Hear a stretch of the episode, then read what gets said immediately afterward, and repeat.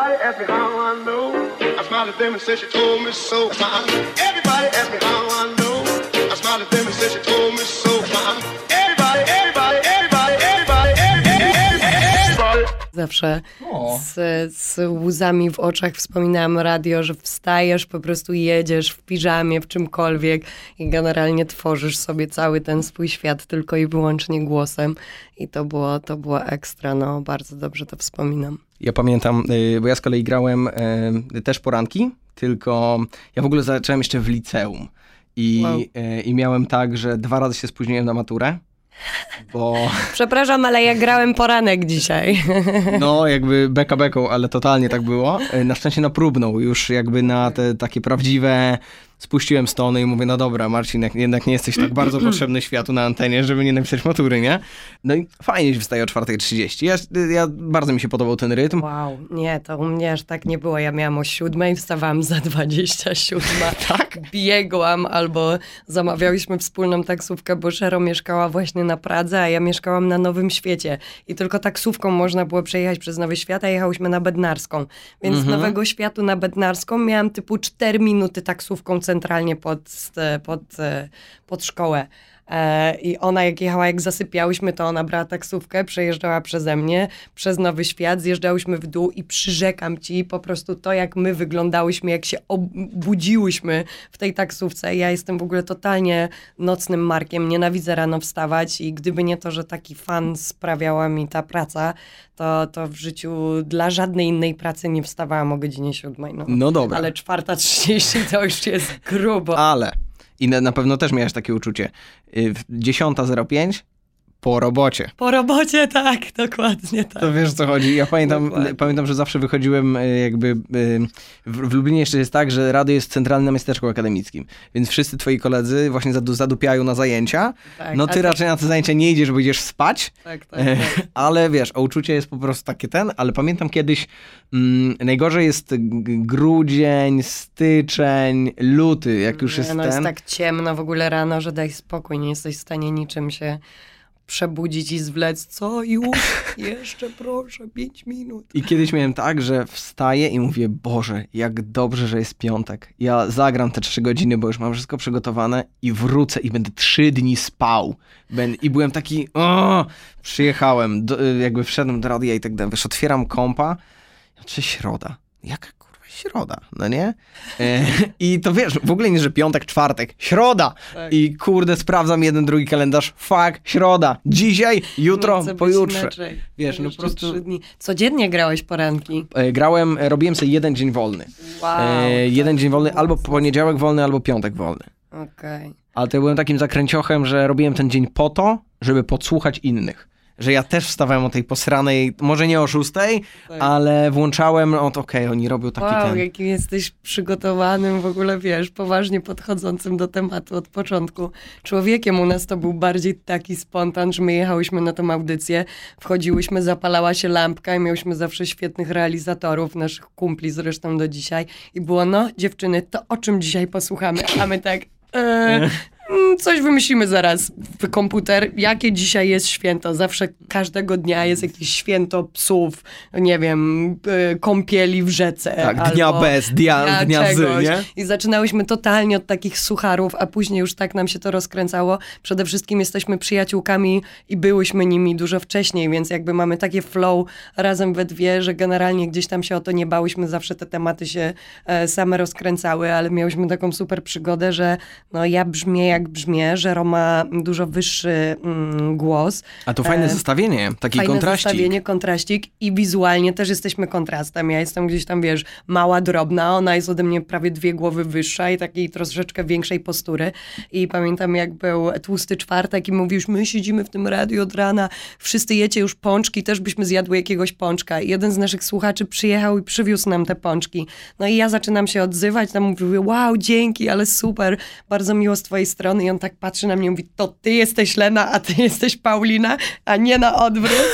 Także to było tak śmieszne, że zu- zupełnie sobie inaczej kogoś, kogo słyszysz, e, Wyobrażasz się, No. od razu gdzieś w swojej głowie, nie wiem, rysujesz go, a nagle spotykasz tam osobę i mówisz, jak? W tym What? ciele, No. w tym taki głos. Mówię, no zazwyczaj tak to działa. Jeszcze wiesz, te wszystkie presety i tak dalej, i tak dalej, przez mikrofon to przychodzi całkowicie inaczej się... No, Tak, tak, teraz tak. też jest trochę inaczej, bo tam każdy ma profil na Instagramie, zdjęcie No, na widzi się, stronie. kto kim jest, no nie, absolutnie, Jak chcesz, no. to możesz sobie sprawdzić Oczywiście, lajtowo. oczywiście, no. Fajne to były czasy, naprawdę bardzo, bardzo fajnie je wspominam w ogóle. Jak myślę sobie o czasach studenckich, to głównie przez pryzmat właśnie pracy w, w kampusie i tego, tych, tych poranków, tego, że dawało to nam taką energię, my przychodziłyśmy takie zmęczone i w ogóle zaspane. To zupełnie nie była nasza godzina, ale to nakręcanie ludzi do rozpoczynania ich dnia dawało nam takiego kopa, że tak naprawdę to było lepsze niż, wiesz, podwójne espresso, bo wiesz, że ci ludzie zaczynają z tobą dzień, że ty chcesz ich przez ten dzień jakoś fajnie przeprowadzić. Naprawdę super, super wspomnienia. No i tam cały czas ktoś dzwonił, coś mówił, były naprawdę super, super śmieszne czasy. No moja niepłatna, ale najlepsza praca w życiu. Czyli przyjemnie wrócić przed mikrofon. Bardzo, dlatego tak się ucieszyłam właśnie, jak zaprosiłeś e, nas, mnie, od razu wiedzieliśmy, że to ja idę, bo Paweł nie jest raczej chętny do rozmów przed mikrofonem, czy w ogóle przed kamerą, a ja to uwielbiam od dziecka, e, więc, więc się ucieszyłam, mówię, o super, posłucham się w słuchawkach. Oficjalnie moim i waszym gościem jest y, Lena Urbańska z Razem Taniej. Lena, e, i- przydałyby się jakieś małe fanfary. Podgramy. Podgramy jakieś małe fanfary. I jakbyś mogła y, w trzech, ośmiu, czternastu zdaniach powiedzieć, ym, czym się teraz na co dzień zajmujesz? Tak, dla ludzi, którzy jeszcze jakimś cudem nie kojarzą twojej, waszej działalności, tak żeby wiedzieli. Śmieszne pytanie, bo przez to, że rozmawiamy tu i teraz e, w Warszawie przy ulicy Żurawiej i przed mikrofonem, oznacza to, że już nie zajmuję się do końca tym, z powodu którego mnie zaprosiłeś, czyli moim podróżowaniem kamperem, e, bo generalnie mm, tak wyglądało ostatnie moje pół roku życia. E, Przeprowadziliśmy się do kampera, mm, podróżujemy, podróżujemy razem z Pawłem od ostatnich sześciu lat. E, Gdzieś tam zaczęło się od podróży z plecakiem po Azji Południowo-Wschodniej. Pojechaliśmy w pierwszą podróż prawie pięciomiesięczną, nie znając zupełnie tamtego kierunku, nie wiedząc w ogóle, czy nasz związek przetrwa tyle miesięcy razem, skazani we dwójkę na siebie. E, więc było dużo znaków zapytania, a okazało się, że to była najlepsza i naj, naj, naj, mm, decyzja, jaką w życiu podjęliśmy, bo od niej się to wszystko zaczęło i Generalnie do dzisiaj nie wyobrażamy sobie życia inaczej niż gdzieś tam bycia w podróży. Przez kilka kolejnych lat wyjeżdżaliśmy e, na kilka miesięcy w roku. Udawało nam się gdzieś uciec e, przed zimą e, i zwiedzaliśmy dalej, dalej Azję Południowo-Wschodnią. Później mieliśmy fajną podróż po Ameryce Centralnej, e, kilkumiesięczną. No i tak od słowa do słowa, dobra, te 3-4 miesiące to już nie do końca jest to, jakby chcemy być dłużej w tej drodze. Któregoś wieczoru oglądaliśmy od Zmierzchu do Świtu, Mhm. Tarantino. No i tam ta rodzinka jeździ takim wielkim kamperem. On się nazywa Paysarą, bo bardzo mocno go googlowaliśmy i sprawdzaliśmy. Chcieliśmy go nawet ściągać ze Stanów. A udało wam się ustalić, jaki to jest konkretnie model? Tak, tak, tak. Wszystko sprawdziliśmy. No, był Paysarą 2.0, coś tam, już nie pamiętam dokładnie. No i zaczęliśmy nawet sprawdzać ceny, y, jaki byłby koszt przetransportowania ze Stanów statkiem do Europy i tak w ogóle wkręceni w to. Tak, kupujemy kampera, tego wielkiego. On jest taki naprawdę szeroki, co się później okazało jest szerszy niż te normalne europejskie Dopuszczalne takie, nie? dopuszczalne, bo w Stanach masz e, dużo inny komfort jeżdżenia, poruszania się po tych szerokich drogach. Więc e, po kilku tygodniach, może miesiącach zajawki tym samochodem na szczęście odpuściliśmy ten temat. Mówimy, gdzie później naprawić to Paysarą? Pomyślmy, że będziemy sobie gdzieś w Afryce i powiemy, że to, to jest samochód Paysarą, prosto z Ameryki. Kojarzycie, Ktoś- oglądaliście? Quentina? No to Dokładnie. ten. On zresztą podobno, ja nie oglądałam, on, ten sam kamper pojawia się w takim serialu, co koleś jakieś tam dragi rozpuszcza w samochodzie. Taki Breaking Bad? Breaking Bad, o. Wow! No, o, dokładnie. Ja tego nie widziałam, ale wiele osób mi mówiło, że to też to też ten samochód. No i... E, Wiele zastosowań, bardzo tak, praktyczna tak, fura, nie? Tak, absolutnie. Wszystko możesz w niej robić. No i na szczęście zdecydowaliśmy się na znalezienie jakiegoś bardziej przystępnego, fajnego modelu, czyli Mercedesa, Mhm. który jest chyba najbardziej rozpoznawalną i dostępną marką na świecie i naprawialną. E, zaczęliśmy go szukać, znaleźliśmy gdzieś e, w Niemczech pod granicą z Holandią e, fajnego, miarę fajnym podobno stanie kampera. Pojechaliśmy, wzięliśmy od mojego teścia samochód, w jeden dzień pojechaliśmy od razu go kupić. Jaka, jaka nie byłaby jego sytuacja, my byliśmy tak w niego wkręceni i pewni, że po prostu to musi być ten samochód i musimy go kupić. Czyli nawet jakby że- to była inna fura niż na zdjęciach, Nawet jakby się okazało, że jest w gorszym stanie niż tam było to Mhm. opisywane, to i tak pewnie byśmy ją wzięli. Na nasze nieszczęście właśnie tak było, bo pan, który był niemieckim Turkiem e, i generalnie negocjowaliśmy cenę przez telefon z znajomym, bo on nie mówił ani po angielsku, my nie mówiliśmy po niemiecku, więc znajomy, który mówił po niemiecku, negocjował dla nas cenę z nim. W ogóle no zakręcona historia od początku. Kupiliśmy ten samochód i on mówi, tu przy oknie jest taki jeden mały wyciek, ale to nic się nie martwcie. Nie, to- to- Naprawicie to bez problemu. Przyjechaliśmy do Polski, ściągnęliśmy go lawetą, bo on był niezarejestrowany, bla, bla, bla.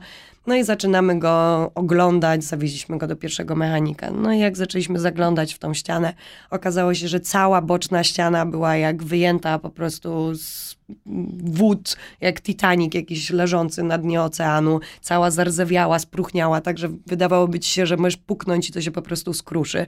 Więc mówimy, aha, zaczynamy robotę. No i ta robota generalnie trwała ponad rok. Poczekajcie, bo, poczekaj, bo robiła, robiliście sami kampera. Tak. Wszystko, co jest e, jego wnętrzem, e, zostało zrobione przez te dwie i dodatkowe dwie, mm, dwie ręce, e, przez nasze dwie pary rąk. Włożyliśmy w to bardzo dużo czasu, bardzo dużo energii, siły, pieniędzy również. Cała mechaniczna strona została oddana oczywiście specjalistom, mechanikom, nad którymi trzeba również czuwać. Regularnie odwiedzać, dopytywać. Absolutnie, bo inaczej do dzisiaj byśmy siedzieli w tym warsztacie. Także, także to była pierwsza część, no ta, ta wewnętrzna dała nam trochę popalić, bo Paweł jest architektem wnętrz, więc też miał jakiś swój pomysł na to. Jest też e, bardzo mm, skrupulatny i mm, ważny jest dla niego detal, więc tam naprawdę nie ma nic na mm, odpieprz, czy jakkolwiek inaczej, tylko robiliśmy to sumiennie, więc robiliśmy sami meble, e, zamawialiśmy sklejkę, później ją wycinaliśmy, projektowaliśmy, malowaliśmy, szlifowaliśmy, malowaliśmy, szlifowaliśmy. I tak w kółko generalnie zajęło to nam e, sporo czasu, sporo weekendów, do tego stopnia, że już znajomi w pewnym momencie mówili, serio, znowu nie możecie się spotkać? Mówimy, tak, siedzimy w kamperze, Boże, znowu ten kamper, już mamy go wszyscy dosyć, nic innego, tylko słyszymy o tym kamperze, a my tylko tym żyliśmy, więc to się widywaliśmy, to tylko opowiadaliśmy o tym, że znowu coś jest nie tak, znowu coś poszło, wydłużyło się, albo nie mogliśmy czegoś znaleźć. Nieważne, skończył się ten długi, bardzo mm, dla nas ciężki okres rocznej naprawy i przygotowywania. Rocznej, czyli Tak. od momentu, właśnie miałem pytać, ile to trwało, od Rok. momentu y, zakupu? Nawet chwilę więcej niż rok. Wow, No. no. to znajomi mogli świrować. No. Wiadomo, że tam nie byliśmy 7 dni w tygodniu, ale już... pięć. e, e, Pięć, dokładnie, e, ale już był taki moment e, okresu zimowego, gdzie, wiesz, czuliśmy się jakbyśmy chodzili do fabryki, zakładaliśmy trzy warstwy ubrań, bo mieliśmy taki mało ogrzewany garaż, ale wiedzieliśmy, że chcemy codziennie chodzić do tego garażu i robić tego kampera, bo już tak bardzo chcemy wyjechać. Mieliśmy wyjeżdżać w sierpniu, później we wrześniu, później dobra, listopad to już maks. Później, no dobra, no to styczeń, ale styczeń to przez tą Europę tak zimno, nie wiadomo. Wyjechaliśmy docelowo w połowie lutego. Także, e, także trochę nam to zajęło, ale dzisiaj nie powtórzylibyśmy tego na pewno drugi raz. Był to naprawdę hardkorowy temat. Okej, to czyli dzisiaj byście zlecili komuś. nie tyle, że zlecilibyśmy, ale Kontrolując. kupilibyśmy w lepszym stanie kampera, może 10 lat młodszego, Mhm. może byśmy zlecili więcej rzeczy, ale bardzo dużo się tam nauczyliśmy. E, To jakby naprawdę był my traktujemy to jako dom i to był taki dom, który stawialiśmy od początku. E, Ja nawet jakieś uszczelki w tym kamperze rozsyłałam po całej Polsce, szukając jakichś zamienników, bo ten samochód ma 35 lat, tego nie wspomnieliśmy. I jakby znalezienie jakichkolwiek oryginalnych czy jakichś zastępczych rzeczy do tak starego samochodu jest bardzo trudne, a zależało nam na tym, żeby zrobić z niego perłę. Jeśli już, to już wchodzimy w ten temat grubo. E, także trochę czasu to zajęło, ale, ale w końcu udało się wyjechać. Zrobiliśmy sobie naprawdę tam dom. Mamy nawet mały piekarnik w środku. Macie piekarnik? Możesz upiec pizzę, chleb. A w którym miejscu? Bo ten... Zrezygnowaliśmy z dolnej szafki, tam gdzie masz umywalkę. Też wsadziliśmy dużo głębszy umywalkę i normalny taki zlew e, okay, czyli nie metalowy, taki mały kranik, nie tylko... plastikowy, ten co się łamie. Mhm. Już mieliśmy jakieś przygody wcześniej z kamperami i wiedzieliśmy, że te wszystkie te patenty z plastikowej i tak dalej są na tyle e, nieznośne, że one po jakimś czasie się mm, albo psują, albo są z nimi problemy, więc podeszliśmy do tego jak do domu i wsadziliśmy tam bardzo dużo domowych elementów, e, prawdziwych, takich e, solidnych, a nie tymczasowych. E, wyrzuciliśmy wszystkie, wszystkie rzeczy ze środka, zrobiliśmy całą zabudowę drewnianą. E, to, co mogliśmy, to uratowaliśmy, czyli kanapy zrobiliśmy na nowo, biliśmy nową tapicerką, fotele przednie też. E, wsadziliśmy dywan, zrobiliśmy drewnianą podłogę. Piekarnik mamy tuż pod umywalką masz szufladę na e, sztućce Wiem, w którym miejscu, bo... i pod spodem jest taka, w którą wkładasz miski tak. i talerze. To my tam sadziliśmy piekarnik, to jest taki piekarnik kamperowy oczywiście, nie domowy. Nie no jasne, tylko ale taki jest... na gaz i tak dalej. Okej, okay, gazowy, właśnie gazowy. To, było, to była ważna sprawa. Później jest wiadomo lodówka, e, też troszeczkę większych rozmiarów niż ta, która była oryginalnie. Trzy palniki, zazwyczaj są dwa, my, my się po, pokusiliśmy o trzy, bo jednym, z celów tego wyjazdu było też e, gotowanie mhm. i możliwość poznawania różnych innych kuchni, które po drodze gdzieś tam mm, spotykaliśmy, więc mocno ta kuchnia musiała być przygotowana i uzbrojona. Paweł kocha gotować. Ja jestem raczej od tej drugiej strony sprzątającej. Tak, ktoś to musi robić i zawsze się śmiejemy, że no wiesz, jakby jest równy podział obowiązków. Ja jestem, wiesz, testerem i później ogarniam to, ale, ale jakoś działa nam ten układ, także każdy jest zadowolony. E, no i łóżko, które mamy z przodu. Mm, to podwieszane że takie. podróżowałeś Heimerem, więc Heimerem właśnie mają tą super rzecz, że nie musisz codziennie wieczorem rozkładać, opuszczać stołu z tyłu i rozkładać tego na łóżko i z powrotem. To jest zawsze mi się kojarzy to e, z helem i z wynajmowaniem przyczep, że tak, tam jest tak, zawsze tak. taki jeden wielki barłuk, którego Taka nie jedna naprawiasz. przestrzeń, gdzie można tak, siedzieć, tak, siedzieć, siedzieć chodzić, leżeć i jeść wszystko. Tak. E, więc e, ten Heimer ma o tyle fajnie, że ma to łóżko nad e, kierowcą spuszczane, więc po prostu wbijasz od razu do gotowej sypialni z pościelonym łóżkiem, zasłonkę tylko zasłaniasz. Dobranoc Państwu. Oddzielasz się, dobranoc Państwu. Ja nawet robiłam często tak, że skoro jestem śpiochem, spałam dosyć dłuż, zazwyczaj dłużej, a Paweł już w tym czasie kawka, śniadanko, więc jakby oddzielasz sobie strefy, ja w sypialni. Bardzo On w salonie i w kuchni. Ale zaskoczyło mnie to, że tak jak opowiadałeś, że bardzo dużo rzeczy pozmienialiście, e, bo ja obcując tylko, że ja jechałem mm, kamperem na podstawie Fiata, wy już Mercedesem, więc podejrzewam, że jeszcze lepiej zrobionym e, i ta Fiat fura... lepiej niż Mercedes? Nie, wasz zrobiony lepiej. Okay, no Więc no to jeszcze wyżej poprzeczka, bo, bo w moim odczuciu ten samochód był genialnie w środku zaprojektowany. Tak, Chodzi o tak, tak. funkcjonalność. Tak. Funkcjonalność. My zmieniliśmy tylko y, jakby obudowę tego, że wyrzuciliśmy te szafki i zrobiliśmy je na nowo, okay, bo one były sposób. gdzieś tam podłamane. Czy łazienka jest dalej tam, gdzie łazienka? Da, absolutnie, Dobra. absolutnie. Tam, gdzie jest piecyk, jest piecyk. Y, cały ten szereg y, szafek, szafek jest taki sam, tylko pootwieraliśmy sobie więcej, robiąc z tego salon. Wyrzuciliśmy tylko tą szafę taką otwieraną, nie wiem, czy też ją miałeś wiem, obok, obok łazienki, toalety, tak. to to wyrzuciliśmy, żeby powiększyć sobie tą przestrzeń, tam zrobiliśmy sobie barek, e, tam jest jakaś pufa do siedzenia. E, stwierdziliśmy, że skoro mamy zamiar żyć w kamperze, to nie potrzebujemy mieć rzeczy na wieszaku, więc zdecydowanie możemy zrezygnować z e, szafy na wieszaki i zmieścimy się tylko i wyłącznie w tych podwieszonych szafkach. Kurczę. Brzmi to, że naprawdę zaangażowaliście się niesamowicie. Chciałbym się cofnąć troszeczkę do tyłu, bo wskoczyliśmy tak naprawdę od razu. Tak. Jak, jak przeglądałem waszą historię, to mm, na obecny etap, nie? No bo tak naprawdę kam, kamper jest teraz, a, a było dużo rzeczy wcześniej. Nie wiem, jak dużo chcesz mówić, ale za chwilę się dowiemy. Jak to jest, że młoda dziewczyna wpada na pomysł, żeby mieć własną markę i zaraz potem ma tą własną markę, a potem jej nie ma. Aż tak dobrze nie jest, bo te pomysły jakby same gdzieś tam się nie, nie zrodziły. U mnie generalnie w życiu wygląda to raczej tak, że rządzą mną przypadki, które ja chętnie przyjmuję i po prostu podejmuję jakieś spontaniczne decyzje. Raczej mało planuję i w ogóle mam mało zaplanowaną przyszłość, jakieś kolejne kroki. Jakby to wszystko naprawdę dzieje się tak, że trudno by było sobie wcześniej to zaplanować. E, jak studiowałam jeszcze dziennikarstwo mm, i mieszkałam z moją przyjaciółką z Poznania e, w Warszawie, mm, jechałyśmy razem na wakacje. E, byłyśmy wtedy singielkami e, i mówimy, dobra, chodź zrobimy sobie dla jaj jakieś koszulki, coś, coś fajnego. Ona, ona generalnie jest e, po Akademii Sztuk Pięknych, więc grafika i wszystko, co związane z artem nie jest jej obce. Ja jestem absolutną nogą w tym temacie, nie umiem kwiatka ładnie narysować. Ale lubisz nosić E, fajne koszulki. Tak, dokładnie. E, albo wiem, jak je sprzedać. Ale i wymyśliłyśmy sobie te koszulki i napisałyśmy nam jakiś tekst typu Prince, where are you? E, czy coś Mhm. takiego. Pojechałyśmy na te wakacje, później od słowa do słowa, o stara, ale fajna koszulka, skąd masz? A, zrobiłyśmy sobie same. No i wtedy ruszała mm, duża platforma mm, polska z, e, zrzeszająca polskie marki, czyli Showroom, który zaczynał od aplikacji facebookowej. Zanim mieli stronę internetową, to Mhm. była taka podpięta apka pod Facebooka, która dawała ci możliwość sprzedawania jakichś swoich rzeczy. I Okej. oni to wymyślili i oni byli znajomymi naszego też przyjaciela, Markoniego. No, pozdrawiam cię, Markoni. E, I, e, I Markoni mówi, a słuchaj, bo oni tu zaczynają z czymś, a wy wymyśliście te t-shirty, może chciałybyście sprzedawać te t-shirty. My sprzedawaj t-shirty, ale co, ale jak?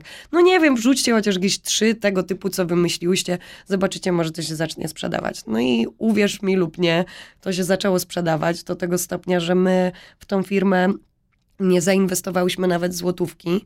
Dostałyśmy tylko prasę do e, naklejania właśnie tych tekstów. E, Pod wpływem temperatury to się Mhm. zgrzewa i wchodzi w bawełnę.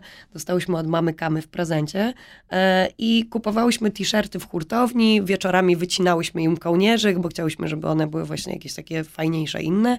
I one przez to były takie luźne. To były zwykłe męskie t-shirty w małych rozmiarach. I one robiły taką łódkę, w związku z czym były luźne. No i zaczęłyśmy wymyślać te teksty. Nazwaliśmy markę Shameless i wokół Shameless e, jakby te teksty się rodziły, żeby wszystko to było bardzo em, bezwstydne, prowokujące trochę i tak dalej, odważne. Zaczęłyśmy wymyślać te teksty, a że miałyśmy do tego całkiem fajną rękę i te, te pomysły były nawet całkiem spoko, to zaczęło się sprzedawać. Chodziłyśmy sobie na pocztę, wysyłałyśmy te koszulki. Nie robiłyśmy zapasów, tylko sprzedawałyśmy to, co, To, co było zamówione. zamówione, więc jakby win-win situation. E, No i to się zaczęło rozkręcać. Rozkręciło się do tego, że po siedmiu latach sprzedawałam już konkretną markę, która miała w swojej ofercie ciuchy od skarpetek po bluzy, czapki, spodnie, ciuchy, sukienki, wszystko. Mm, Jak e, nie będę ci opowiadać i zanudzać, jak to się rozkręciło, bo to też po prostu było na fali i był fajny czas na to, żeby to mogło zaistnieć. Kama wyprowadziła się do Nowego Jorku, więc ja zostałam z tym gdzieś tam sama. Włożyłam w to mm, całą swoją energię, żeby stworzyć z tego nie tylko już markę kojarzoną z t-shirtami i śmiesznymi hasłami, tylko żeby zbudować z tego naprawdę markę, w którą możesz się ubrać od stóp do głów. E, I tak też wydaje mi się, że się stało, bo z wielką satysfakcją sprzedawałam Shamelessa, widząc jak wygląda dzisiaj, a od czego się zaczynało, jak w domu, w mieszkaniu, z uciętymi twarzami, tylko widocznymi ustami robiłyśmy telefonem zdjęcia na ścianie i tak Nowa kolekcja. Pierwsze, dokładnie. Tak sprzedawałyśmy pierwsze t-shirty, a później, wiesz, to, to naprawdę poważnie gdzieś tam wyglądało e, przez, przez e, i produkcję całą, która odbywała się w Polsce i e, sesje i jakieś różne rzeczy, także wielka satysfakcja, że coś takiego udało nam się stworzyć, a później mi sprzedać po tych siedmiu latach. No właśnie, bo po siedmiu latach w głowie pojawia się co? To znaczy, z mojej perspektywy, jeżeli ktoś włoży całe serduszko w to em, i, i, coś pięknie rośnie, no bo to też jak mówisz, no, to cały czas szło w górę, tak? No i w pewnym momencie jest piekielnie odważna decyzja z mojej perspektywy, żeby powiedzieć, no to mark, markę już zrobiłam, teraz Co Wiesz innego? Co, to wynikało bardziej z tego, że ja raczej jestem takim wolnym ptakiem. Nie umiem być sztywną panią bizneswoman, która kogoś tam przez telefon e, srogo opieprzy i, i ja od razu się wz, denerwowałam albo płakałam, że znowu coś nie wyszło, że były jakieś fakapy. Już w pewnym momencie to zaczynało być na tyle poważną gdzieś tam firmą, że e, te oczekiwania były coraz wyższe, konkurencja i tak dalej. Ja zaczynałam się męczyć i za dużo było stresu związanego z tym. My już od dobrych kilku lat wy- wyjeżdżaliśmy do Azji, godząc prowadzenie marki z podróżowaniem, ale to było takie, wiesz, na pół gwizdka, że No, ja codziennie... Czasami ciężko o internet. Go, ciężko na internet, jakbym ci pokazała zdjęcia, w jakich warunkach ja czasami łapię internet, żeby wrzucić sale, bo e, skończyły nam się pieniądze i nie mogliśmy się wydostać z jakiejś wyspy i było, no dobra, nie mamy hajsu, co teraz zrobimy? Okej, no to sale na Shamelessa minus 20%, tylko 24 godziny. I w ten sposób potrafiliśmy się wydostawać z jakichś wysp, bo e, pieniądze spływały nam od razu na drugi dzień, więc było tylko kyczink na drugi dzień, wiesz. Złoty sport było po na prostu. koncie, więc e, do takich rozwiązań naprawdę się również posuwaliśmy i mieliśmy z tego wielki ubaw. E, także to było wygodne, ale... Mm, Ale też tak jak mówisz, win-win, że wiesz, y, klienci zadowoleni, bo jest promocja, tak, tak, wy tak, tak. zadowoleni. Oni nawet nie wiedzieli, z czego te promocje Nie, no jasne, się biorą. ale, ale wiesz, A my w tym czasie, okej, lecimy dalej. ale, ale wszyscy wygrani, to znaczy wiesz, nikogo Tak. się nie ten, moim zdaniem piękne rozwiązanie. Mieliśmy też w Indiach taką sytuację, że nie mieliśmy totalnie hajsu, bo my tylko na pierwszą podróż się przygotowaliśmy finansowo, odłożyliśmy pieniądze, pająk wyjechał do Norwegii, popracował tam przez rok, jakby naprawdę poważnie gdzieś tam, jak na nas się przygotowaliśmy do całego tematu. Po, finansowo powiedzmy. E, no a każda kolejna podróż była tak, że musimy po prostu wyjechać, nie mamy tych odłożonych pieniędzy, ale jakoś sobie damy radę. No i tak faktycznie wyjeżdżaliśmy przez te kilka kolejnych lat i w Indiach pamiętam, mieliśmy taką sytuację, mieszkaliśmy w hostelu, który był gigantycznym, pięknym pokojem, kosztował chyba 7 dolarów za noc, ale także wyczyściliśmy sobie konta, także zupełnie, czy coś tam nam się poblokowało i mówimy, dobra, nie mamy hajsu, nie mamy jak zapłacić za ten hotel, nie mamy też za bardzo na jedzenie, okej, to bierzmy wszystko na rachunek tutaj, powiedzmy temu panu, bo był weekend i wiedzieliśmy, że dopiero pieniądze dostaniemy, czy nawet jakieś święto w Polsce, w związku z czym były wstrzymane przelewy, a, dlatego nie mieliśmy hajsu. No i czekaliśmy, aż to wszystko wróci do normy i wpłyną nam jakieś bieżące pieniądze na konto. I e, braliśmy wszystko na pokój, zostaliśmy w tym pokoju trzy dni, wszystko jedliśmy jakby w knajpie, która była nad tym pokojem, więc byliśmy uwięzieni w tym jednym miejscu, przyszedł poniedziałek, bankomat, okej, możemy zapłacić, jedziemy dalej. Także, także naprawdę dużo, dużo spontanu i dużo fanu przy tym wszystkim. Ale jak już zaczęliśmy się tak mocno wkręcać w te podróże, to wiedzieliśmy, że nie do końca da się łączyć jedno z drugim, że jedno na drugim e, trochę traci, że ja jestem coraz mniej oddana Shamelessowi, że Mhm. jestem tak wkręcona w te podróże, że ta marka powinna się rozwijać, bo to jest teraz ten moment, a ja jestem gdzieś w Hondurasie. I łapię internet. I łapię internet.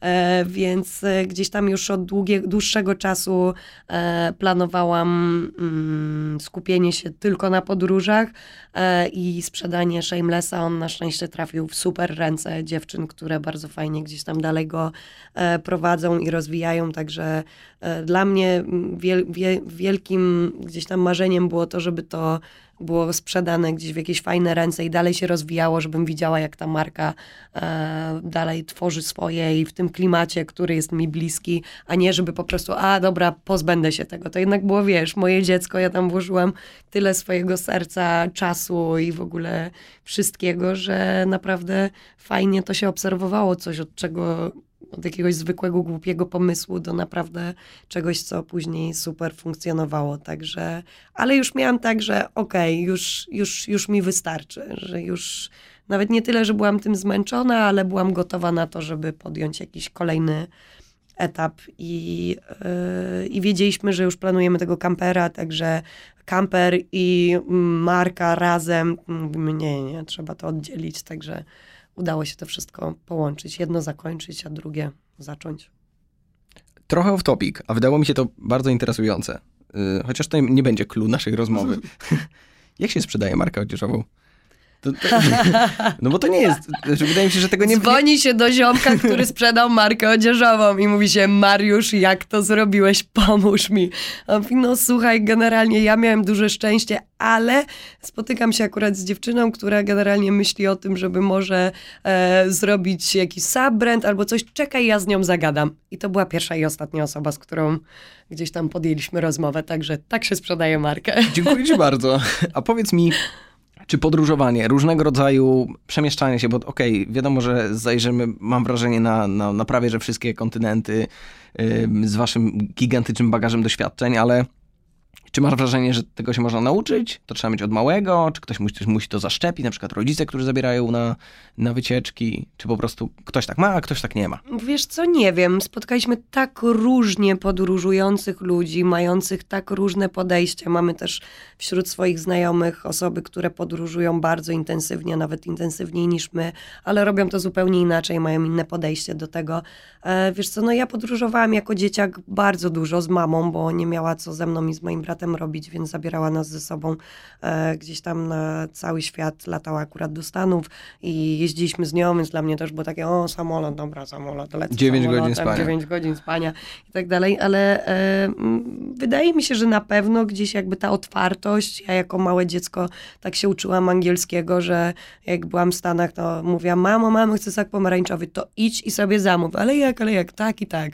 Ja powtarzałam to, co ona mówiła i miałam, wiesz, zajawkę, że w ten sposób sposób e, uczę się angielskiego, poznaję nowe dzieci. Spędzałam na placu zabaw e, godziny z dziećmi, które nie mówiły po polsku. Ja nie mówiłam po angielsku, a miałam z nimi super czas. Także jakaś ta otwartość wydaje mi się, że może wynikać z, z dzieciństwa, a później no to wszystko zależy od tego, jak, jak jak ci się to spodoba. Ja jeździłam wcześniej całe życie na wakacje, nigdy nie byłam w podróży.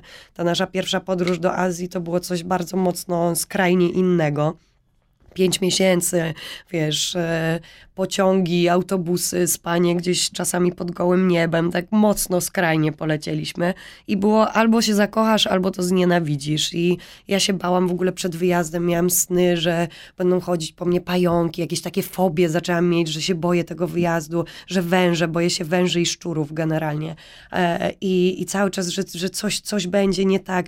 I nagle jak tam wjechaliśmy w ogóle nie było nawet czasu na to, żeby o tym myśleć, bo jakby jest tyle innych bodźców dookoła, które cię e, cały czas zachwycają i tyle ludzi, kultur i tego wszystkiego, co zajmuje twoją głowę, że tam nie masz czasu na to, żeby zastanawiać się o jakichś złych scenariuszach, a jak już one się dzieją, to jesteś w takich e, okolicznościach, że one nie wydają się nawet takie złe, więc e, my się po prostu w to wkręciliśmy i zakochaliśmy się. U nas było fajne to, że zaczęliśmy razem podróżować, że nie było jednego mhm. lepszego od drugiego i że jedna osoba wkręciła w drugą, tylko zaczęliśmy tą pasję uprawiać razem i to było bardzo fajne, bo jesteśmy jakby na równi w tym i razem się w to wkręciliśmy i zakochaliśmy i myślę, że to jest też fajny patent na gdzieś tam związek i życie.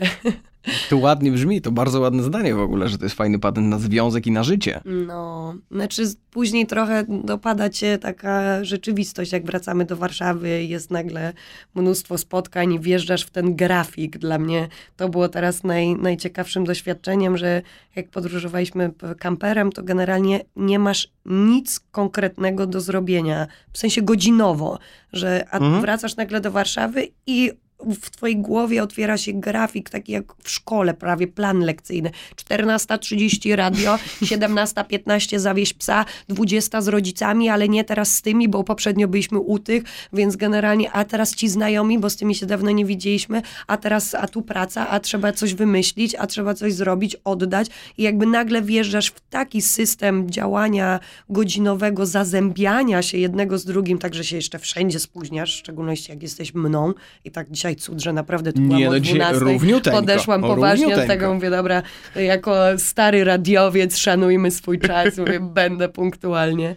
Także jest to, jest to duża różnica i tu się nam trudniej żyje e, niż w tej podróży, bo w tej podróży to też jest trochę taka utopia, no bo nie, na razie nie znaleźliśmy patentu, który pozwalałby nam na to, żeby w tej podróży być cały czas. Mhm. Też wróciliśmy ze względu na to, że do końca ten patent się nie udał. Planowaliśmy podróż roczną albo dwuletnią, wróciliśmy po pół roku, e, ale tylko po to, żeby przygotować się jeszcze lepiej i zaplanować to sobie, jakoś ogarnąć się finansowo i przygotować sobie również e, całą kolejną podróż. E, Więc to jest takie utopijne, ale jest to piękne. No, ja, ja kocham nas w podróży. No, absolutnie jest to, jest to fajny taki swój, mamy mini świat, w którym żyjemy. Ale ciekawe jest to, jak zwracasz uwagę na słowa. Mówię, że wcześniej jeździłaś na wakacje, a Tak. potem zaczęłaś podróżować. Powiedz ze swojego doświadczenia, jakby jak bardzo, albo bo podejrzewam, że jest dużo osób, które chciałyby trochę przełączyć ten tryb, bo turysta, y, urlopowicz, a jednak podróżnik, gdzieś tam się to y, nie do końca równoważy. Jak się przygotować do takiej pierwszej podróży? Podejmujesz decyzję w głowie, mówisz, kurczę, a teraz kupuję bilet w jedną stronę, zobaczymy kiedy wrócę. Nie wiem, wiesz co, wydaje mi się, że to jest tak indywidualne, wszystko zależy od tego, no mamy właśnie znajomych, którzy totalnie planują całą podróż, oni jadą na trzy miesiące, oni dokładnie wiedzą, gdzie, gdzie będą, kiedy będą, w jakie miejsca odwiedzą, e, mają zarezerwowane wcześniej hotele i tak dalej. My nie mamy zarezerwowanego nic. Wiemy, jaką chcemy obrać destynację. Pamiętam też sytuację, w której wylądowaliśmy na lotnisku i było tak, że trzeba było wpisać e, w aplikacji e, twój miejsce pobytu pierwszej nocy. I mówię, dobra, wpisz, nie wiem, jakiś hotel Radisson. Zazwyczaj wszędzie na świecie są Jest jakieś Radisson. I, I było tak, że no nie, przykro nam, musicie podać dokładny adres. Ja pieprze, nie ma Wi-Fi na, na lotnisku, to też było chyba w Indiach. E, nie ma Wi-Fi na lotnisku. Mówię, dobra, dzwonię do mojego brata, który jest zawsze takim telefonem e, dla mnie pomocnym, który pomaga nam w różnych sytuacjach. Dzwonię i mówię, Łukasz, szybko sprawdź jakikolwiek adres Radissona, wyślij mi pilnie SMS-em. No i na lotnisku wpisujesz adres, bo my nawet przylatując tego dnia nie wiedzieliśmy jeszcze, gdzie śpimy. Mhm. Po prostu chcieliśmy przyjechać, zobaczyć, ogarnąć się na miejscu, więc y, nie wiem do końca, jak się przygotować. Myślę, że to tak, tak mocno zależy od tego, kim jesteś i czego potrzebujesz, że no raczej pierwszą podróż fajnie by było wiedzieć, gdzie się śpi tych pierwszych kilka nocy, e, ale myślę, że go with the flow, no. Im mniej tego planujesz, tym bardziej ta podróż może cię zaskoczyć. Jedziesz autobusem i jakby my myślimy, że byliśmy w Laosie i mówimy, dobra, jedziemy na południe Laosu, bo tam jest coś tam ciekawego. I nagle poznajemy w autobusie faceta, który nie dość, że dzisiaj jest naszym super kumplem, spędziliśmy z nim trzy tygodnie od dnia poznania w autobusie, to jeszcze zmienił nam zupełnie kierunek, bo on powiedział, a ja jadę tam, tam jest chyba fajniej. No dobra, to jedziemy z tobą, wysiadamy na innej stacji. Więc jakby myślę, że ta otwartość na, na to, co ta podróż ci przyniesie, na to, jakich ludzi poznasz, na to, jakie sytuacje się wydarzą, mm, myślę, że to jest generalnie coś, co mogę e, zaproponować czy polecić, bo z mojego punktu widzenia to zawsze była najfajniejsza opcja na podróżowanie, czyli bycie otwartym na to, co, co się wydarzy. Czyli po prostu ciekawość. Tak. I macie tak z wyborem I spontan. Nie, no wiesz, spontan na miejscu. Tak, Tak, jak mówię, tak, dolatujemy, okej, to wygląda tak, to może ten hotel. E, a jak wybieracie destynację? To jest tak, że jesteście sobie gdzieś tam, myślę, kurde, następnym razem tu, tu, tu, tu, tu. E, Wiesz co, e, kilka razy wybieraliśmy destynacje ze względu na tanie Bilety. bilety, gdzie jest tanio, gdzie Mhm. można się tanio dostać. E, Później, jak już byliśmy po, po czterech latach, łącznie po czterech latach e, kilkumiesięcznych wyjazdów do Azji Południowo-Wschodniej, w której spędziliśmy ponad rok e, łącznie, sumując ten czas, stwierdziliśmy, że dobra, już znamy ten teren dosyć mocno, czas na coś nowego i bardzo zależało nam na Ameryce Centralnej. Wiedzieliśmy, że południowa jest dla nas jeszcze za droga, mm, centralna, były tanie bilety na Kubę. Mm, Dobra, no to lecimy na Kubę, z Kuby poleciliśmy do Meksyku i od Meksyku lądem przejechaliśmy aż do Panamy. No i po drodze spotykając różnych ludzi, każdy tam mówił, no dobra, my podróżujemy przez całą Amerykę Centralną, a ja mówimy, a jak tam Honduras i Salwador, przez co będziecie przejeżdżać? Nie, nie, nie, Honduras i Salwador omijamy, przelatujemy i lecimy dalej do Nikaragui. I my tak, no aha, no dobra. No i tak przez dwa tygodnie zbieraliśmy informacje wśród ludzi, jakby kto jedzie przez te kraje, bo możesz się naczytać różnych informacji i im mniej ktoś podróżuje, tym bardziej cię nastraszy, że cię potną na i sprzedadzą na organy, mm, a okazała się to naprawdę cudowna desty- destynacja, zarówno Salwador i Honduras. Był naszym gigantycznym zaskoczeniem, czuliśmy się tam fantastycznie, nic nam się nie stało, nic nam nie skradziono. Wiadomo, że jest takie poczucie... Mm, dziwne trochę, bo widzisz wszędzie facetów z gigantycznym karabinieri, e, takim połowy mojego wzrostu. I niekoniecznie E, wszyscy to wojsko lub policja. Dokładnie, e, ale mm, wychodzimy z założenia, że dopóki nie wchodzisz tam, gdzie cię nie chcą i e, podróżujesz w ciągu dnia, czyli do tej godziny 18, kiedy się nie ściemni, żeby nie jeździć autobusami po tej 18, żeby jednak zaczekować się w tym hostelu przed zmrokiem i pytać w hostelu, jakby okej guys, czy tu jest bezpiecznie, możemy iść na spacer. Jedni ci mówią tak, drudzy nie. Jakby słuchać ludzi, co mają do powiedzenia dookoła. Niekoniecznie jakby tego, co jesteś w stanie przeczytać w internecie, tylko, tylko ludzi dookoła. Poznaliśmy takiego Polaka też w e, samolocie z, z Kuby do Meksyku i mówimy, jak na, w tym Meksyku, tam nie wiem, niebezpiecznie czy coś. On tak patrzy na nas, mówi tak, mieszkam 25 lat w Meksyku, generalnie kocham ten kraj, jest super bezpiecznie, a wszystko to, co słyszycie w Polsce, że jest super, same niebezpieczne, zagrażające sytuacje, same slumsy i gangi i tak dalej, o czym mają pisać media e, w Europie? O tych dobrych stronach? Nie, pisze się o tym, co Kolejny się sprzedaje. cudowny dzień w Meksyku. Tak, dokładnie. Kolejny cudowny wschód słońca, piękne plaże, surfing, w ogóle tanie jedzenie, otwarci ludzie, super muzyka i tak dalej. No nie, pisze się o sensacjach, czyli o jakichś, wiesz, ekstremalnie złych e, wydarzeniach i to ludzie zapamiętują, więc trzeba mieć to w głowie. Nawet w Salwadorze poznaliśmy takiego też super chłopaka, który prowadził taką kawiarnię z pyszną kawą, którą zresztą produkowali z tyłu za swoim zapleczem. I mówi, Boże, tak się cieszę, że nie pominęliście tego Salwadoru na waszej trasie, że zdecydowaliście się przejechać przez ten Honduras i Salwador. Bo ludzie nas pomijają, bo boją się i mamy taką złą opinię, a dzięki takim ludziom jak wy właśnie zacznie przyjeżdżać więcej turystów, bo my ich potrzebujemy. Nasz kraj, potrzeb, nasz kraj jest piękny, ma mnóstwo rzeczy do zaoferowania, potrzebujemy więcej ruchu turystycznego, które mają sąsiednie kraje, mamy zły PR, wiadomo skądś on, skądś on wynika, ale naprawdę jeśli jest się rozważnym i wie się jak podróżować, e, no to, to, to naprawdę można spędzić tam cudowny czas. Także słuchajmy ludzi, co mają do powiedzenia ci będący tam na miejscu. Zauważyłem, że wy jesteście piekielnie odważni w tripowaniu. Czasami trochę za bardzo, ale Pamiętam historię, jak straciłaś zęba. zęby. Z, na, zęby Trzy. nawet! Trzy przednie, teraz uśmiecham się do ciebie pięknie. Poczekaj, to była jedynka, dwójka, trójka? Tak, nie, jedynka, jedynka, dwójka. O, to jeszcze gorsza konfiguracja. Gdzie to było i co się stało? Mm, to był tajski Nowy Rok, mm, Songkran, e, gdzieś w połowie kwietnia bodajże i w Tajlandii Nowy Rok obchodzi się tak, że jest taki gigantyczny śmigus dyngus w całym kraju i w sąsiednich krajach również, bo oni tak to celebrują. Do tego stopnia, że masz nawet ustawiane takie mini baseny przy ulicach, żeby ludzie mieli gdzie napełniać Większa swoje dostępność do wody, super. i pistolety, w ogóle wszystko, totalnie, policja, w ogóle wszyscy się oblewają wodą, ale nie to, że oblejesz kogoś szklanką wody, tylko całym wiadrem lodowatej wody. No i generalnie to, to, to, to święto celebruje się przez kilka dni. My byliśmy pod e, jednym ze sklepów, e, kupowaliśmy coś do picia w środku.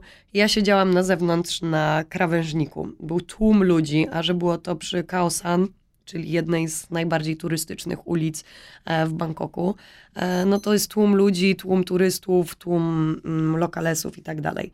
No i ja siedziałam grzecznie, czekałam z moim takim pistoletem na wodę, coś tam sobie też wypiliśmy. Czyli byłaś uzbrojona, bardzo Byłam dobrze. uzbrojona, oczywiście, że tak.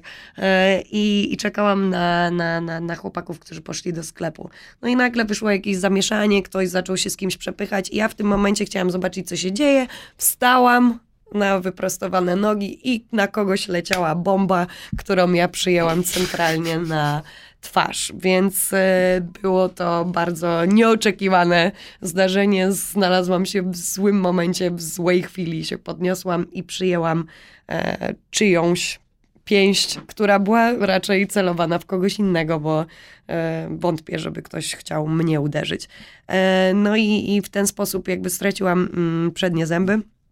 E, co było dosyć śmieszne, bo tylko dotknęłam językiem, mówię, Boże, nie mam zębów, nie mam zębów, bo one naprawdę zostały tak dosyć mocno złamane.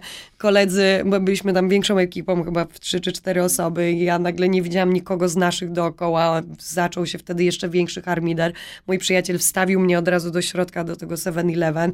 Jakby nie wiedział nawet jak mi pomóc, tylko zaczął wzywać karetkę krzycząc, krzycząc, że żeby przyjechało jakieś takie pogotowie, e, które pojawiło się dosłownie w trzy minuty, bo tam jest taki patrol e, turystyczny, który e, gdzieś tam w takich dzielnicach turystycznych funkcjonuje. Więc pojawił się naprawdę bardzo szybko w tym tłumie. Wrzucili mnie do tej karetki. Mm, pojechaliśmy z Pawłem na ostry dyżur tajski który jak oglądałeś filmy różnego rodzaju, które mm -hmm. odbywają się w Azji, możesz sobie wyobrazić, jak ten szpital wyglądał. To było przerażające. Ludzie leżeli na e, stołach w oczekiwaniu na swoją kolej, tak do tego stopnia, że ja się rozglądałam na prawo i lewo i miałam wrażenie, że tu wszyscy umierają. E, musieli mi tylko poszywać usta na, do, na dole i na górze no i generalnie wróciliśmy do domu na drugi dzień. Oczywiście już e, szpital prywatny i ubezpieczalnia. Taki szpital, który byłam w takim szoku, bo na każdym piętrze Starbucks osobny, kawiarenka, mm. osobne piętro, które przyjmuje e, ludzi z różnych krajów do tego stopnia, że ci Tajowie byli mm, przygotowani do przyjmowania klientów w różnych językach, żebyś ty miał jeszcze większy komfort jakby obsługi. Bardzo dobre e, ubezpieczenie. Bardzo. No nie, takie zwykłe, takie roczne, wiesz, jakaś karta. E, my właśnie w to nigdy nie inwestowaliśmy za bardzo, raczej takie normalne ubezpieczenia. Nie pamiętam, jak to się nawet nazywa. To w takim razie super się trafiło. Super się trafiło. Tajlandia ma, ma naprawdę niesamowicie cudowną i na bardzo wysokim poziomie poziomie służbę zdrowia, e, nie tą państwową, a tą prywatną. No i musieliśmy zostać dwa tygodnie w Bangkoku. Na szczęście mamy tam przyjaciela, który tam mieszka, oddał nam swoje mieszkanie, a sam gdzieś pojechał. I przez te dwa tygodnie jeździliśmy codziennie na szpitale, jakieś zmiany opatrunków, dostałam jakąś taką wkładkę, protezę, nawet miałam śmieszną przez długi czas. No i przez długi czas nie mówiłam nikomu, co się wydarzyło, bo nie chciałam wracać do Polski, bo to był początek naszej podróży, która miała trwać cztery miesiące, a to było w pierwszych trzech tygodniach. Więc wiedział tylko oczywiście mój brat i Kama yy, i, i mówimy, no dobra, okej, okay, teraz jak już jestem ogarnięta, już nie jestem taka spuchnięta, mam tą protezę, więc generalnie mam zęby, jakieś mi podoklejali na sztukę. Możemy jechać dalej. Jechaliśmy do Malezji, dzwonię do mojej mamy, mówię, siedzisz? Siedzę. No to muszę opowiedzieć ci historię. No i opowiedziała mi tą całą historię i jakbym powiedziała jej to wcześniej, to nie wiem, co by zrobiła. Chyba jakiś helikopter by po mnie wysłała, żeby mnie ściągnąć do domu, ale, ale na szczęście wszystko dobrze się skończyło. Dzisiaj mam tylko jakby śmieszne wspomnienia z tego, bo byłam przez długi czas taką, wiesz, dziewczyną, która potrafi, wiesz, cudownie się ubrać na wieczór, a potrafiła wyjmować protezę i być bez jedynki z przodu. Więc wyobraź sobie, jak mogłam wyglądać. No, normalnie papierosa bym sobie mogła wsadzić między, między jedynki. E, także, także śmiesznie, na szczęście się to wszystko dobrze skończyło. Oczywiście w Polsce trzeba było mm, cały ten system mm, dokończyć, bo tam to było tylko prowizorycznie jakoś zrobione, żebyśmy mogli jechać dalej. E, trochę to trwało, ale dzisiaj mam chyba jeszcze ładniejszy uśmiech, także... Przepięknie. Wyszło dobrze. No dobrze, ale to była jedyna taka, no powiedzmy niebezpieczna, niecelowa, ale no, jakaś taka ciekawa przygoda. Albo grubo, albo wcale, no jedyna tak naprawdę, konkretna, ale jedyna. No przy tym samym wydarzeniu Paweł rozciął sobie kolano, bo gdzieś w tym amoku szukał chyba winowajcy, który zrobił mi krzywdę i gdzieś tam miał rozcięte kolano i dostało mu się zakażenie, więc jego operacja była chyba nawet droższa niż moje opatrywanie zębów, bo musieli mu tam coś z tym kolanem oczyścić, wyciąć i tak dalej. Także we dwójkę po prostu za jednym razem mieliśmy taką sytuację, ale w podróży tak, to chyba jedyna. Ja generalnie miałam sporo wypadków w swoim życiu, trochę jestem po, poszywana na ciele, ale e, takich też e, w śmiesznych raczej okolicznościach, ale w podróży właściwie to była jedyna, więc więcej rzeczy dzieje mi się tu na miejscu miejscu niż w podróży. Nigdy nic nam nie skradziono. E, przepraszam, skradziono nam mm, 200 dolarów z konta, kopiując naszą kartę. Kartę, okej. Ale to także szybko się zorientowaliśmy i akurat przekroczyliśmy jedną granicę z drugą i mieliśmy dowód na to, że nie było nas w kraju, w którym ktoś wypłacił pieniądze z naszej karty, podczas gdy my już byliśmy w zupełnie innym miejscu. I pamiętasz, Więc gdzie to też było? dostaliśmy Gwatemala. Okej. Ale tam też os- ostrzegają przed tym, trzeba też liczyć pieniądze, jak się wyjmuje z bankomatu, bo a dobra, wypłacasz e, hajs z konta, chowasz do kieszeni i idziesz dalej. A myk polega na tym, że ten bankomat wypłaca ci mniejszą kwotę niż tą, o którą poprosiłeś. Jest gdzieś podklejony w środku, że wyjeżdża mi Nie wiem, jak to robią, ale generalnie jest to bardzo stały numer w Gwatemali, plus kopiują ci karty, też nie wiem jak, ale, ale trzeba na to uważać, żeby e, dobrą opcją jest e, to, co, co my stosujemy też już od dłuższego czasu i akurat wtedy też, że całe pieniądze, które masz, nie trzymasz na koncie, z którego wypłacasz, tylko masz na innym, a kartę, z której wypłacasz, przelewasz sobie raz w tygodniu, typu budżet tygodniowy. Nawet nie miesięczny, tylko budżet tygodniowy, co pozwala ci A, trzymać budżet, a B, y, no jak ktoś już cię okradnie, to wtedy, to wtedy nie ma dużej kwoty. Później mamy też patent w portfelu, w którym zawsze mamy typu jeden banknot i to niskiej mm, kwoty Na wierzchu. na wierzchu do tego stopnia, że ktoś patrzy i chcecie nawet, wiesz, zrobić jakiś wałek, że on cię gdzieś zaprowadził, więc tu musisz mu za to zapłacić. Mówisz, ej man, ale this is all I have i pokazujesz, że masz 20 dirhamów, czyli nie wiem, 20 złotych. Ale oni są wtedy coś takiego. zdenerwowani. No Kurczę. mówisz, no nie mam i oni widzą, pokazujesz ten portfel z każdej strony, mówię, że "A on jest złego naprawdę pusty. Trzeba było innego białego łapać, pokazywać. Nie z nami te numery. I nic nam nigdy nie skradziono, no może poza butami, które Paweł zostawiał przed kamperem, ale to sam, sam chciał. E, Więc jak idzie sobie jakiś Marokańczyk i widzi, że leży fajna para awansów, no To czego nie czemu mam za... Rozmiar się zabrać? zgadza, No, albo dokładnie. prawie się zgadza. Prawie się zgadza. Dokładnie. I wtedy sobie tłumaczymy, a dobra, on był bardziej potrzebujący, więc e, może mo, przydadzą mu się bardziej te, te, te buty. Także no zero takich słabych gdzieś tam doświadczeń, naprawdę. Dlatego może tak bardzo jesteśmy w to wszystko wkręceni. Nawet w Maroko teraz, wiesz, to była jednak pół, półroczna podróż, najdłuższa, jaką zrobiliśmy. E, i, I wracaliśmy i wszyscy, no dobra, no dobra, ale jakieś, co się wydarzyło? Coś, co Dawajcie się wydarzyło? Jakieś historie, gnój, gorące historie z A my tak, e, no właściwie to nic. Generalnie było super, bardzo spokojnie i pięknie i wszystko, ale nie było żadnego przypału. No. No to się na maksa zgadza. Ja kiedyś poznałem, wracając z Egiptu, yy, też na ostatnią chwilę na lotnisku Katowice-Pyrzowice, która okazuje się, że nie jest w Katowicach, tylko prawie pod Poznaniem. Spotkałem dwóch yy, gości, którzy akurat wrócili ze Skandynawii, polecieli do Oslo za 50 zł, a żyli tam dwa tygodnie jeżdżąc yy, stopem, Okej. a jeździli za hajs, który zarobili sprzedając papierosy. Znaczy na lotnisku z Polski wzięli wagon, Wiadomo, stały patent w Skandynawii. Zarabiasz na bilet przez ramę szlugów. Dokładnie I tak oni, jest. ja mówię, a jak to sprzedaliście? No, on, oni mówią, słuchaj, pierwszy kierowca, który nas wziął na stopa, Tak, są tak drogie papierosy Tak. w Skandynawii, że każdemu się to opłaca. że mówi w moment. y, I oni pamiętam, że w swoim portfolio. Polak potrafi co? Nie, no, totalnie dobry patent. Kocham tę akcję. Pamiętam, że jak oni wtedy policzyli, to te dwa tygodnie jazdy wokół Oslo, już razem z biletami lotniczymi, 600 złotych? No, Coś takiego. I to mówi, że jeszcze dało się przysiąść na kilku rzeczach, no ale już tam machnęli ręką, to zmęczenie, coś tam. tak, wszystko zależy od tego, jak, jak umiesz. My, my aż, mimo tego, że jest zarazem taniej, ale e, nazwa, co jest śmieszne, nie wynika jakby z tego, że gdzieś tam mm, próbujemy jak najtaniej podróżować, tylko na jakimś weselu wpisywaliśmy się do księgi pamiątkowej i tak stoimy nad tą księgą pamiątkową, zanim zaczęliśmy podróżować. I tak, co tu wpisać w tej księdze? Tam wszystkiego najlepszego na nowej drodze życia. Tak piszemy, razem taniej. I od tego tak naprawdę się to wzięło. To było pierwszy, pierwszy raz, kiedy to hasło padło gdzieś tam z naszych ust i później sobie to zapamiętaliśmy i najpierw podróżowaliśmy jako, nie wiem, Pawriukowscy, czyli jakieś takie śmieszne przekształcenie nazwiska e, Pawła, i, ale to chyba się nie przyjęło i później mówimy, a wiesz co, razem taniej. I zmieniliśmy na razem taniej. Także nie jesteśmy do końca przykładem, który pokaże jak najtaniej podróżować za gdzieś tam dolara dziennie czy coś takiego, ale...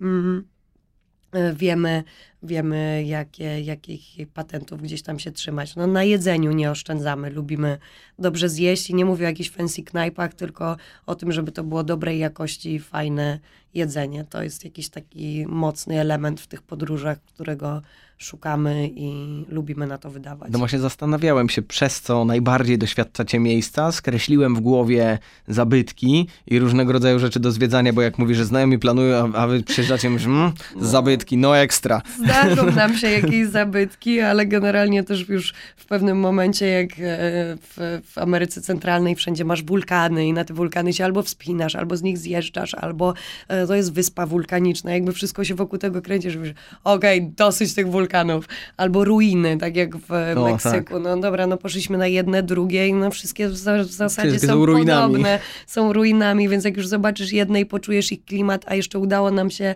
e, być w Belize na najfajniejszych ruinach, które były w ogóle totalnie nieturystyczne. To były jeszcze mm, śmieszny dzień, bo walentynki e, zupełnie przez przypadek i też z znajomymi, których tam poznaliśmy, o słuchajcie, tu są podobno jakieś fajne ruiny, jedźmy tam zobaczyć. Pojechaliśmy na te ruiny, siedzieliśmy na samym szczycie tych ruin, także były gigantyczne lasy, e, które się mm, dookoła e, rozpościerały, także, mm, także to był piękny widok. Słyszeliśmy małpy, te holbor, monkeys, które wydają takie bardzo mocne, głośne dźwięki. Myśleliśmy, że tam jest jakieś gigantyczne stado. Później jak zeszliśmy na dół, okazało się, że były cztery małpy, które tak wyły, że miałeś wrażenie, że zaraz tu będzie jakiś atak małp. E, I to były najfajniejsze ruiny, jakie widziałam, więc później już nawet nie mieliśmy ciśnienia na to, żeby iść na te najbardziej znane w Meksyku, bo widzieliśmy, czym to pachnie i jak to wygląda i wystarczy. No i też często można zobaczyć zdjęcia gdzieś w sieci m, mm, tych ładnych takich, wiesz, instagramowych widoczków. Z plażami to jest Odwr- zawsze największy Och, problem. totalnie. Boże, jakie te plaże są piękne na tych zdjęciach, takie czyste, takie białe, takie to i tamto. Przyjeżdżasz i widzisz na własne oczy, jak to naprawdę wygląda. Dlatego staramy się gdzieś tam też pokazywać e, jakieś wycinki w miarę nieprzefiltrowane, nieudoskonalone, tylko jak, jak to wygląda na żywo. I no, trzeba o tym pamiętać, że zdjęcia potrafią co innego pokazywać niż faktycznie w realu. No ja się totalnie na to naciąłem e, miesiąc temu w Wietnamie, e, gdzie właśnie zdjęcia, o kurde, jakaś tam, wiesz, super plaża z takim piaskiem, że takiego koloru to tylko, wiesz, w życiu nie widziałaś. Przyjeżdżamy na miejsce, okazuje się, że no też oczywiście polecieliśmy w porze deszczowej. I myśleliśmy, że ten deszcz tam będzie trzy godziny lało, to przeczekamy, a poza tym będzie pięknie. Mało turystów, ale mało turystów równa się wszystko zamknięte. Tak, tak. Plaża tak. jest tak syfiasta, no bo nikt nie sprząta, bo nie ma ludzi. Tak. E, I wiesz, poczuliśmy się jak naprawdę, jak mm, czasami jak się ze znajomymi pojedzie gdzieś tam, nie wiem, e, na, na, na, na przykład na, na Mazury, to może jeszcze nie, ale jakieś małe jeziorko, no nie? I w sezonie łała wiła jest impreza, a przyjeżdżasz w październiku, jest tak, o, jakieś opuszczone miejsce. Czy my tu jesteśmy ostatnimi ludźmi? Tak, totalnie można się naciąć. Dobra, czyli przez jedzenie przez jedzenie, przez, przez lokalsów? ludzi, tak, przez ludzi. No my się szwendamy po ulicach, jakby nawet jak gdzieś tam jesteśmy w dużym mieście, nawet jeśli jest to Bangkok, w którym byliśmy najwięcej razy ze wszystkich takich dużych miast, które kochamy mimo moich e, gdzieś tam wspomnień i wypadków. Miałam taki rok, kiedy mówię, nie, nie, nie, nie chcę wracać do tego Bangkoku, kojarzy mi się tylko ze szpitalami, ale minęło mi to. Okay. Dokładnie, minęło mi to i kocham Bangkok, absolutnie jest to fascynujące miasto, które cały czas czas można odkrywać. Byliśmy tam chyba z 8 razy i cały czas nie znamy go. Mm, I y, po prostu lubimy się szpędać, no jakby bez, bez planu. Jak już gdzieś jesteś w jakiejś dzielnicy, to żeby, żeby sobie chodzić, zobaczyć, co, co tam po kolei się wydarzy i gdzie cię nogi przez przypadek pod, poprowadzą i na co, na co wpadniesz.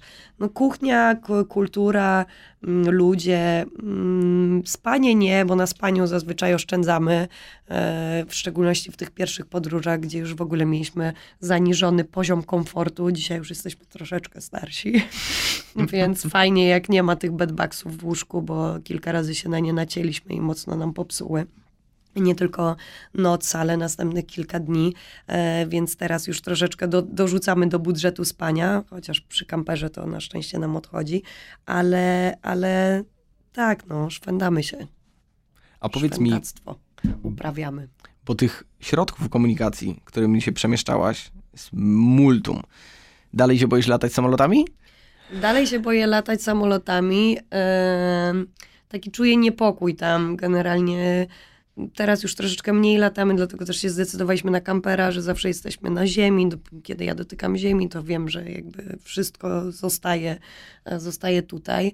E, latam tymi samolotami, ale no nie lubię. No, oblewają mnie zimne poty i przy tych startach, jak już później lecę, to jest ok, ale nawet jak przysypiam jest tylko takie lekkie drgnięcie, to ja już jestem, wiesz, czujna, oczy otwarte, nasłuchuję. Spadamy? Nasłuchuję, Gdzie mówię, spadamy? Paweł, Paweł słyszy, coś, coś w silniku się dzieje, przestań idź spać, a ona leży i śpi, a ja w ogóle nasłuchuję każdego dźwięku.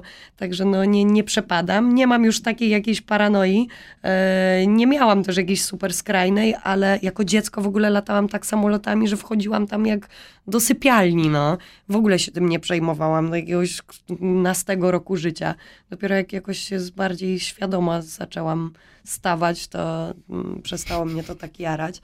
E, ale najbardziej lubię pociągi, no. Pociągi są ekstra. O, no właśnie miałem pytać o ulubiony. Grać w Chińczyka, można się napić rumu, wziąć sobie swoje jedzenie na wynos. E, Podróżujemy też ze swoim zestawem opakowań e, na, na jedzenie, które bardzo mocno pomaga właśnie jak wsiadasz do pociągu i masz jechać nim 16 godzin i wiesz, że po drodze... Mm, jak będziesz się zatrzymywać, to przy twoich oknach nagle pojawią się te panie z tymi tacami, z samosami albo z różnymi specjałami kuchni regionalnej. I to, to jedzenie jest zazwyczaj albo tłuste, albo ostre, albo coś tam, nie zawsze mi to podchodzi, a tak jak masz swoje opakowanie na wynos, to my się przygotowujemy. Wcześniej, mówimy, o, tu weźmiemy sobie ryżyk z warzywami, tu weźmiemy to. I jedziemy z taką swoją wyprawką. No, kiedyś się z tego śmialiśmy, że taką bierz, bierzesz śniadaniówkę, a dzisiaj to się naprawdę świetnie świetnie sprawdza. No. Trochę jak ludzie do pracy sobie biorą lunch. Dokładnie. Tak ty bierzecie bierzesz, sobie boksy. bierzesz, bierzesz podróż. Najbardziej lubię pociągami. Łódkami też nie lubię.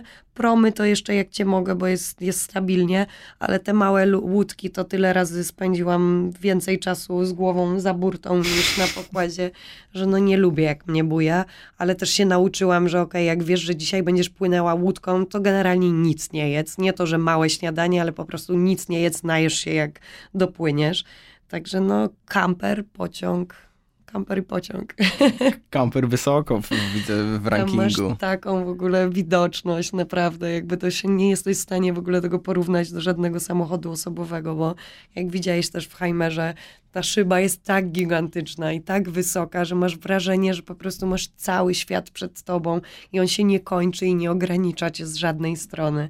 I przez to, że on w Maroko. no. Nie wygląda tak, jakbyś właśnie nim wyjechała z salonu. No. E, to ludzie, na przykład, ja pamiętam, na wszystkich stacjach benzynowych, czy gdziekolwiek się zatrzymują, mówili ekstra, albo fajnie tak szli.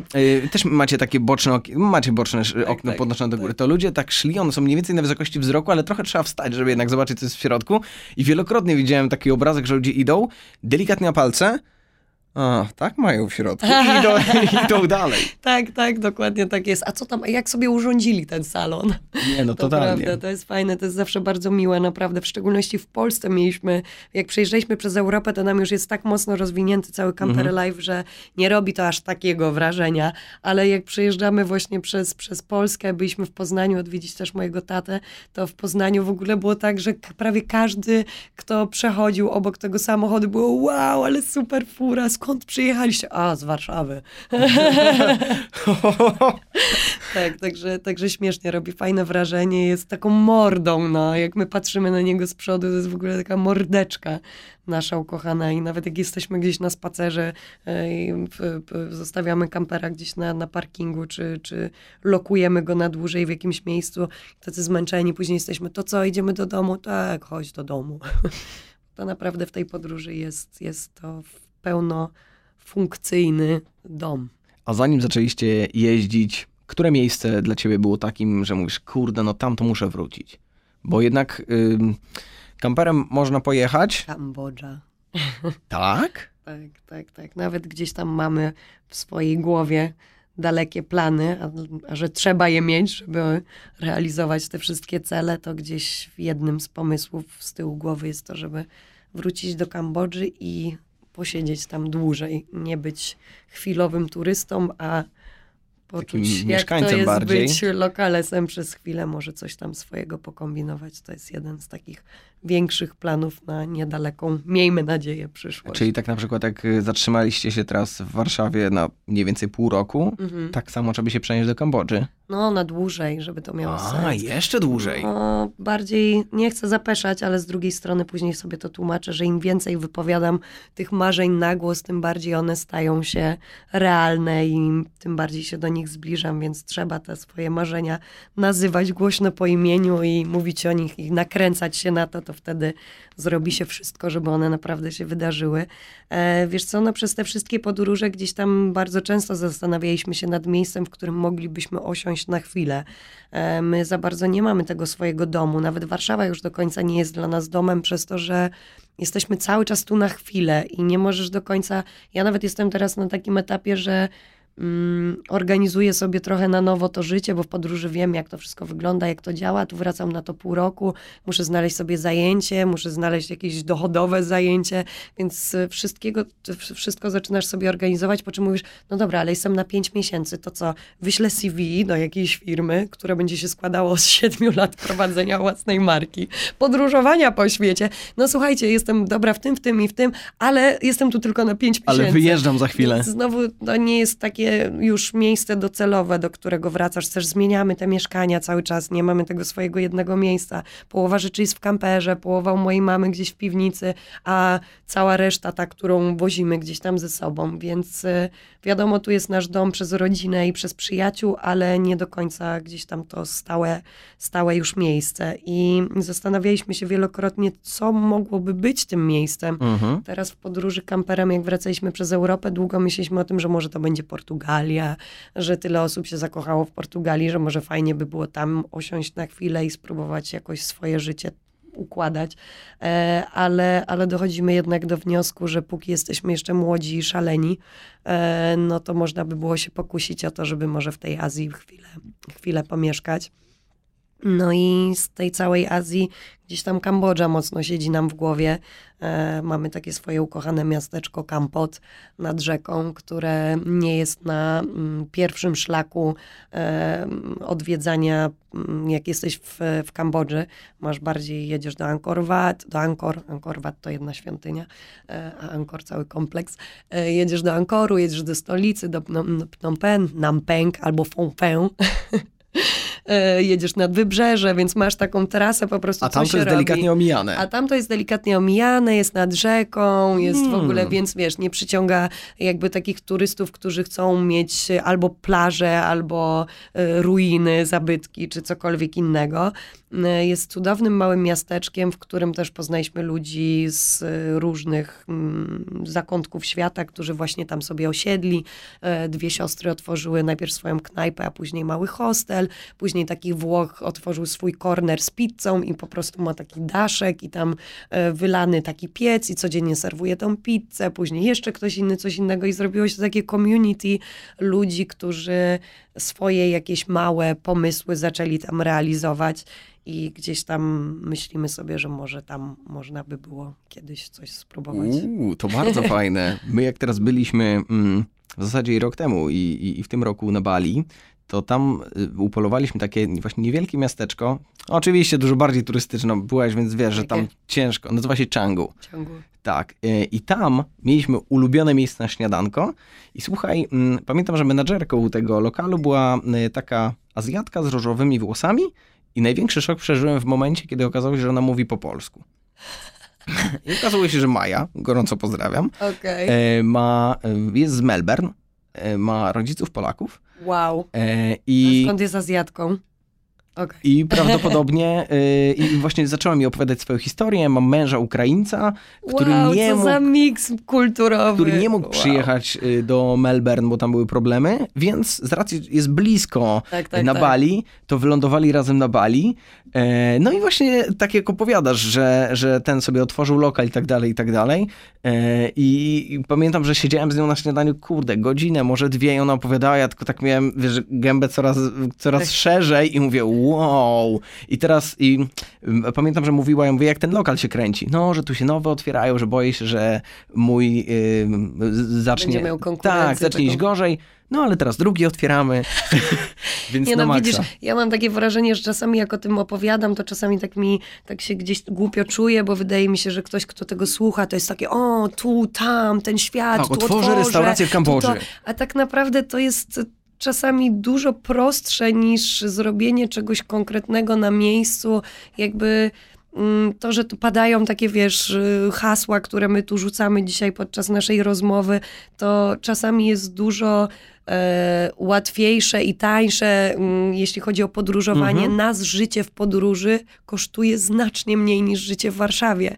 Dla nas miesiąc w Warszawie to są dwa miesiące życia w Maroku, albo nawet jeszcze więcej, więc tak naprawdę jeśli się dobrze nad tym zastanowisz i znajdziesz źródło finansowania, co jest największym problemem tego wszystkiego, ale jeśli już faktycznie wpadniesz na to i e, gdzieś tam udaje ci się to, to, to, to rozwijać i kontynuować. My też mamy kilka swoich pomysłów na, mm, w tej podróży też otworzyliśmy taki s, drugi kanał e, instagramowy Supa Things, czyli zaczęliśmy kupować różne rzeczy w podróży i sprzedawać je e, jakby z historią i z, z cudownymi miejscami, w których to kupiliśmy od tych ludzi. Zaczęliśmy nawet robić zdjęcia polaroidem, później nam się skończyły wkłady. E, Więc to też jest super pomysł i myślę, że on naprawdę ma szansę się rozwinąć. Ale to wszystko, co się słyszy i tak brzmi jak jakaś bajka albo nie wiadomo co, to jest wszystko naprawdę realne do zrealizowania, w szczególności w dzisiejszych czasach, kiedy mamy tak otwarty świat i tak otwarte głowy, że jedyne, co jest w stanie nas ograniczać, to my sami siebie, więc y, po prostu trzeba, trzeba to robić, za dużo się nie zastanawiać. Im bardziej się zastanawiamy, to zaczynają się pojawić problemy. Wszystkie no dobra, minusy, nie? ale, ale będzie to, ale tamto, ale jak zrobię to, ale jak zrobię tamto. Po prostu trzeba zacząć, wydaje mi się, to robić i później się zastanawiać w trakcie, jak już nie będzie odwrotu, bo inaczej byśmy się sami pewnie mm, nie rozkręcili tak z tymi marzeniami, jak to robimy cały czas. My się czasami aż boimy marzyć, bo mówimy, oj Boże, wiesz, że jak my zamarzymy, to już że chyba to za grubo. zaczniemy, zreali- zaczniemy to realizować. Uważaj, co marzysz. Ale wy nawet macie taki piękny opis, y, chyba na Instagramie, looking for a perfect spot, coś Tak, takiego. Looking for the perfect spot. On, on funkcjonuje od samego początku e, i nie zmieniliśmy go ani razu. Nawet w którymś zdjęciu, które wrzucałam teraz podczas tej podróży, tak spojrzałam właśnie na opis tego, tego naszego Instagrama i e, wrzuciłam jakieś zdjęcie z podpisem, że to był tekst, który... Mm, towarzyszył nam na samym początku i właściwie nic się nie zmieniło, tylko nabrało trochę innego wymiaru, bo wtedy to perfect spot było znalezienie tej pięknej plaży, gdzie nie ma ludzi i tak dalej, a dzisiaj to perfect spot znaczy troszeczkę więcej niż tylko ładny widok. A myśleliście o tym, żeby, może nie mam pojęcia, ale muszę zapytać, żeby pójść w stronę tego, a raczej pojechać, z racji, że już macie kampera, tam gdzie jest zimno? Bo na razie rozmawialiśmy, wiesz, Tak, znaczy przejeżdżaliśmy, słoneczko, przez, ciepło. przejeżdżaliśmy przez Europę, jak było dosyć zimno i to tak, że była minusowa temperatura na zewnątrz i grzaliśmy w środku. Piecyk na, oddaliśmy do naprawy i naprawdę bardzo dobrze się sprawdza. Możemy zrobić saunę w środku. czyli grzejecie w kamperze piecykiem. Tak, tak, tak. Super, na butlę gazową. No. Tak. Te, te, te kampery stare mają właśnie taki e, pod tą szafą jest, jest duży piecyk gazowy, jest też e, boiler na ciepłą, Na ciepłą wodę, wodę. Więc absolutnie z tego wszystkiego korzystamy. E, Dużo szybciej butla schodzi i się nawet wystraszyliśmy, że w każdym kraju są inne butle, mają inne końcówki. To Mhm. był jeden z e, nielicznych problemów e, kamperowych, jakie mieliśmy, że każdy kraj ma w ogóle zupełnie inną końcówkę na, na te butle i się wystraszyliśmy, że to będzie cały czas pain in the ass, ale mm, na szczęście okazało się później, że ta butla przy nieogrzewaniu starcza nam na ponad miesiąc, typu półtora miesiąca, A, więc to, to spoko. E, A jak ogrzewasz, no to wtedy na dwa tygodnie, jak jest, jak jest minusowa temperatura na zewnątrz. Mm, Wiesz co, ja nie lubię zimy za bardzo. Lubię zimę tak na chwilę, żeby pojechać sobie w góry, nawet do Zakopanego, albo gdzieś pochodzić po górach, e, jak najbardziej, ale jak już jestem tam za długo i zaczyna robić się za mokro, to nie, nie sprawia mi to mm, przyjemności. E, przejechać kamperem na pewno się przejedziemy zimą, skoro jesteśmy w Polsce, pojedziemy sobie w góry, zobaczymy mhm. jak się kamper będzie właśnie w tych warunkach sprawdzał.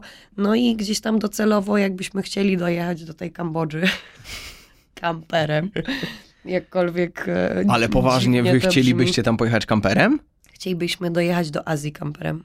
No, robiliśmy go półtora roku, włożyliśmy w niego całe swoje serce, pieniądze i całe swoje życie. No na maksa ma to po sens. tym pół roku, które tam spędziliśmy, to jest niewystarczająca ani, wiesz, ani niewystarczający czas. Człowiek nie ani- zdążył się nim nacze- nacieszyć Ładnie, jeszcze. to jest dopiero początek. My się śmiejemy, że ta podróż to była próbna, żeby sprawdzić, jak nam się żyje w tym kamperze. A żeby to się wszystko zwróciło, e, no to my musimy w nim troszeczkę jeszcze pomieszkać. Może docelowo go wykorzystać gdzieś tam jako domek. Nie wiem, zobaczymy. Na pewno będziemy robić wszystko, żeby dojechać do Chin kamperem, co jest bardzo trudne, bo w Chinach są obostrzenia mm, chociażby z tytułu e, zakazu prowadzenia samochodu. Jeśli jesteś obcokrajowcem, nie możesz prowadzić w Chinach samochodu, mogą tylko Chińczycy go prowadzić. Nie może wjechać samochód na innych blachach do, do Chin, więc trzeba to jakoś załatwić, więc myślimy o jakichś, wiesz, e, grubszych akcjach e, poszukania partnerów, którzy nam w tym pomogą, czy bardzo chcielibyśmy promować kraj Chiny przez podróż kamperem tam, więc może z ambasadą, ambasadą droga, E, więc jakby są jakieś pomysły, musimy Pozdrawiamy się tego, gorąco. Tak. Po, po prostu piękne miejsce. W ogóle, Przechodziłem w ostatnio. ogóle Mm. moim, moim marzeniem byłoby, bo gdzieś tam chciałabym też poruszyć temat Instagrama i tego, jak mocno ludzie zaczęli żyć z tego i jak coraz mniej jest zawodów i trudno gdzieś tam Poczekaj, to- zostać przy swoim, ale do tego wrócę zaraz, No. mm, żeby w tej podróży do Chin gdzieś promować te wszystkie piękne kraje, które mamy po drodze, bo albo możesz pojechać bardzo nudną trasą, czyli przejechać przez całą Rosję i znaleźć się w Chinach, więc poka- pokonujesz jeden kraj mm, o odległości 15 tysięcy kilometrów, Tak, tak, może tak. 12. Mój kolega Albo ostatnio jechał. przejeżdżasz przez całą Azję Środkową, przez, e, wiesz, wszystkie kraje, e, mm, Turkmenistan, Uzbekistan, jakby Mongolię, dopiero do Chin, więc jest to dużo ciekawsza trasa, dłuższa, ale ciekawsza. No, Króciutki insight. Mój kupel jechał przez Rosję i tam mm, jechał na jakieś skrzyżowanie i nawigacja mówi przez tysiąc kilometrów, nie, nie przepraszam, za tysiąc kilometrów na rondzie prosto. Więc tak to mniej Piękne, więcej wygląda. piękne. Jadąc kamperem 100 na godzinę, nie? Dokładnie tak, maksymalnie. No. Maksymalnie tak. Także fajnie by było promować te kraje, e, które, przez które byśmy przejeżdżali e, i pokazywać, co one mają do zaoferowania. Jakby już w tyle różnych e, destynacji ludzie jeżdżą, że zaczynają powoli się nudzić tymi, tymi krajami, więc potrzebujemy jakichś nowych, ciekawszych destynacji i też, też, też fajnie jest dowiedzieć się, co się dzieje w innej części świata.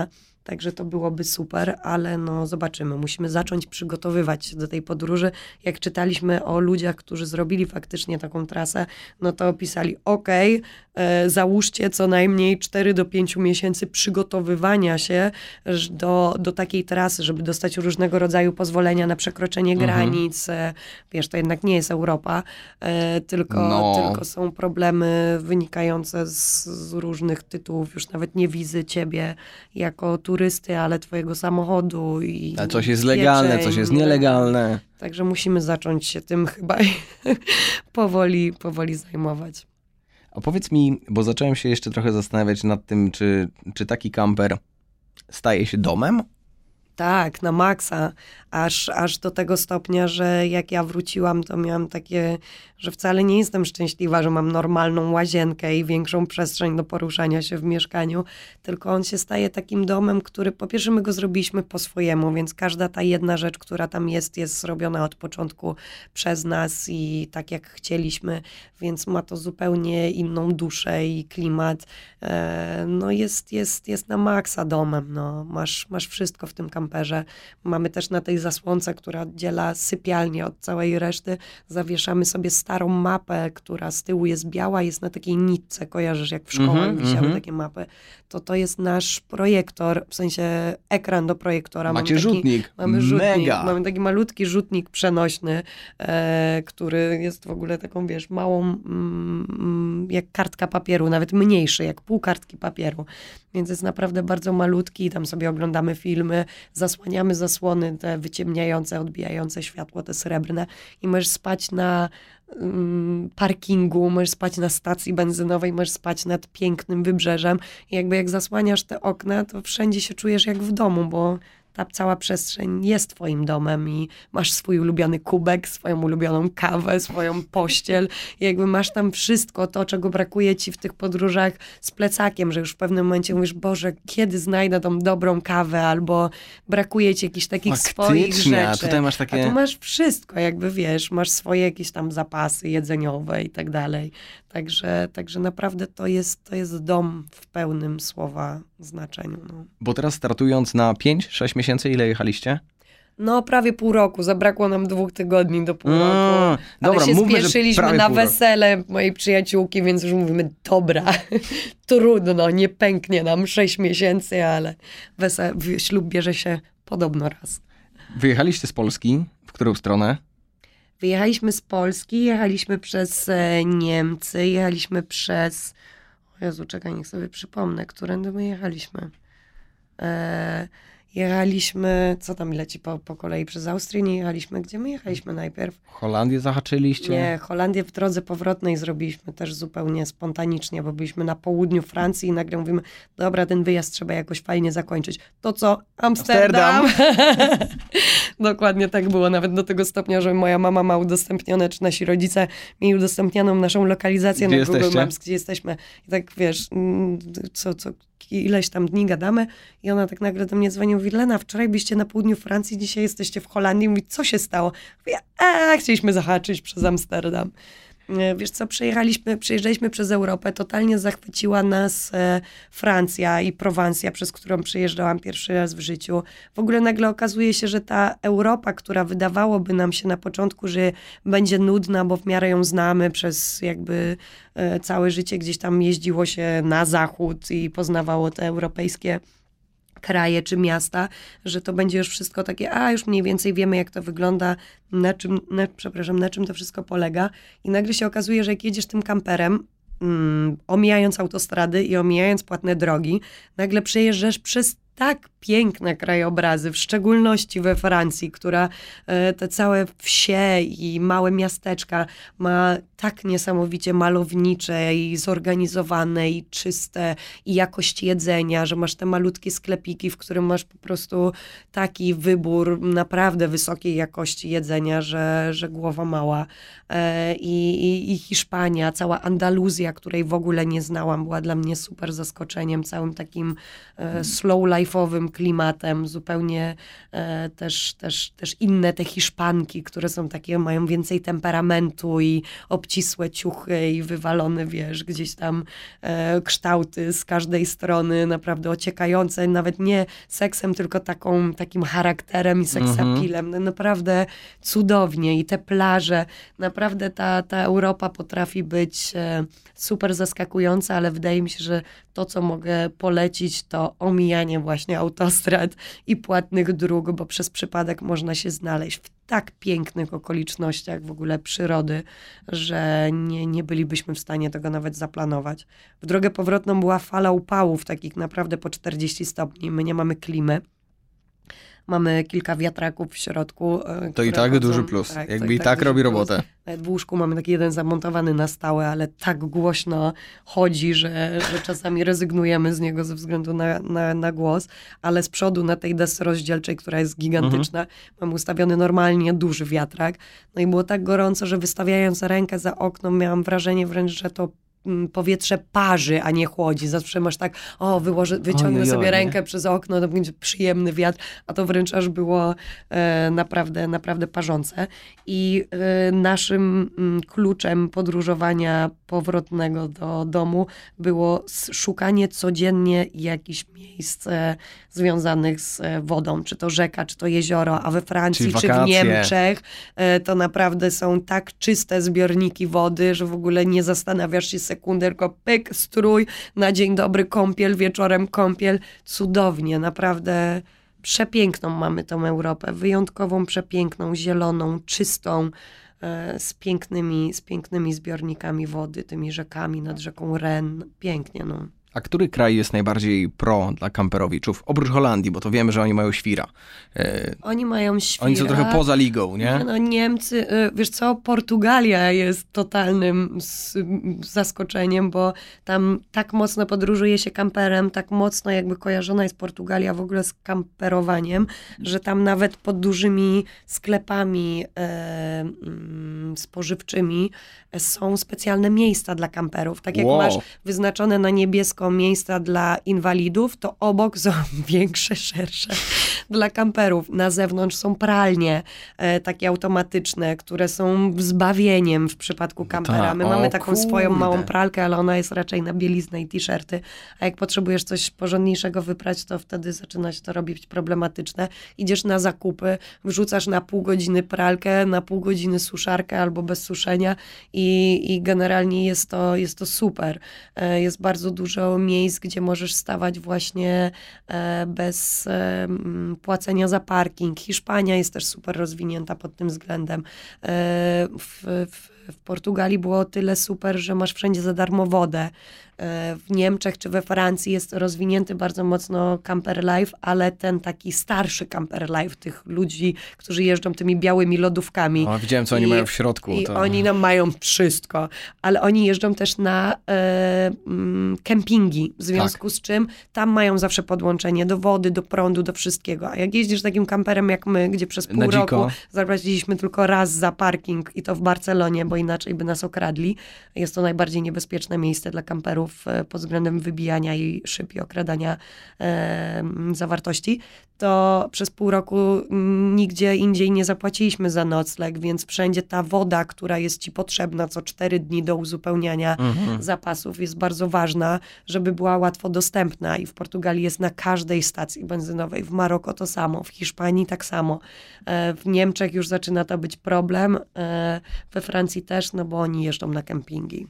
Że nie ma takich dostępów, to znaczy, nie, że... nie. Albo musisz płacić e, euro tam za dwie minuty, czy coś takiego, albo no jest, jest trudniej, no zdecydowanie.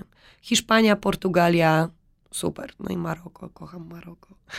Ja się wybierałem, ale jak zobaczyłem... Ale tam trzeba w zimie. Poczekaj, byliście w zimie, w lecie? Naszej? My byliśmy od lutego do... O, Okej. Czyli trafiliście w taką temperaturę, że jest ciepło, ale nie na patelni. Wiesz co, nie, na pate- tam nie ma do końca problemu z taką patelnią. Jeśli trzymasz się wybrzeża, e, to nie ma problemu. Jak pojedziesz w głąb kraju, to oczywiście. No jak zjechaliśmy do Senegalu i do Gambii, no to było 40 stopni. Jak tylko odjechaliśmy 10 kilometrów od wybrzeża, to już było tak, że okej, zawracamy, bo naprawdę jesteś zmęczony, boli cię głowa, nie ma fanu, bo jakby twój organizm bardzo, tak, no. bardzo mocno się męczy, ale Maroko gdzieś na luzie do mm, myślę czerwca możesz spokojnie jechać. Od listopada do czerwca jest, jest, jest safe. Nawet super są noce w Maroko, bo mm, dzień potrafi być gorący, ale też nie mieliśmy super upałów. W Europie było dużo, dużo cieplej w wakacje teraz niż my mieliśmy w Maroko. Było tak do 27-8 stopni, a w nocy było 15-16, więc się śpi idealnie. O, jeszcze Nie ten... ma problemu, że cię budzi sauna. A jak bardzo trzeba być zgranym, żeby na tych, no w środku tam ze 4 metry kwadratowe? Sześć. 6. Żeby, no nie zwariować, no bo to się jednak jest na bardzo małej przestrzeni. Yy, z... Ale za drzwiami masz cały świat, więc ta przestrzeń cię zupełnie nie ogranicza. Wstajesz rano, otwierasz drzwi, wystawiasz leżaczki, kładziesz sobie stół, jesz śniadanie i widzisz, że mm, to, co widzisz przed sobą, to dalej będzie, nie wiem, Brazylia, patrząc na, przez Maroko. No. Kurde, Więc- bardzo fajny, więc- pod- bardzo mi się podoba. Więc generalnie, no tak jak ja ci powiedziałam, my, my gorzej funkcjonujemy na dużej przestrzeni w Warszawie niż na tych sześciu metrach w kamperze, bo tam jesteś trochę taką jednością, bo tworzysz taki swój mini świat, jakby wszystko się dzieje w tym kamperze i dookoła niego, więc no my nie mieliśmy w ogóle z tym problemu i, i gdzieś tam wiedzieliśmy, że raczej to nie będzie kłopotem, że jest jakiś ścisk, że potrzebujesz przestrzeni. No nie, no masz, masz przestrzeń za, gigantyczną za oknem, więc ona cię absolutnie nie ogranicza i nie powoduje klaustrofobii. A jak się zmienił drugą stronę. twój stosunek do Polski, mm, zbierając bagaż doświadczeń z całego świata, od Azji, Ameryki i tak dalej? Wracasz do Polski i co? Mm, Na dzień dzisiejszy jakby nie jest to do końca kraj, w którym chciałabym obecnie siedzieć dłużej i mieszkać.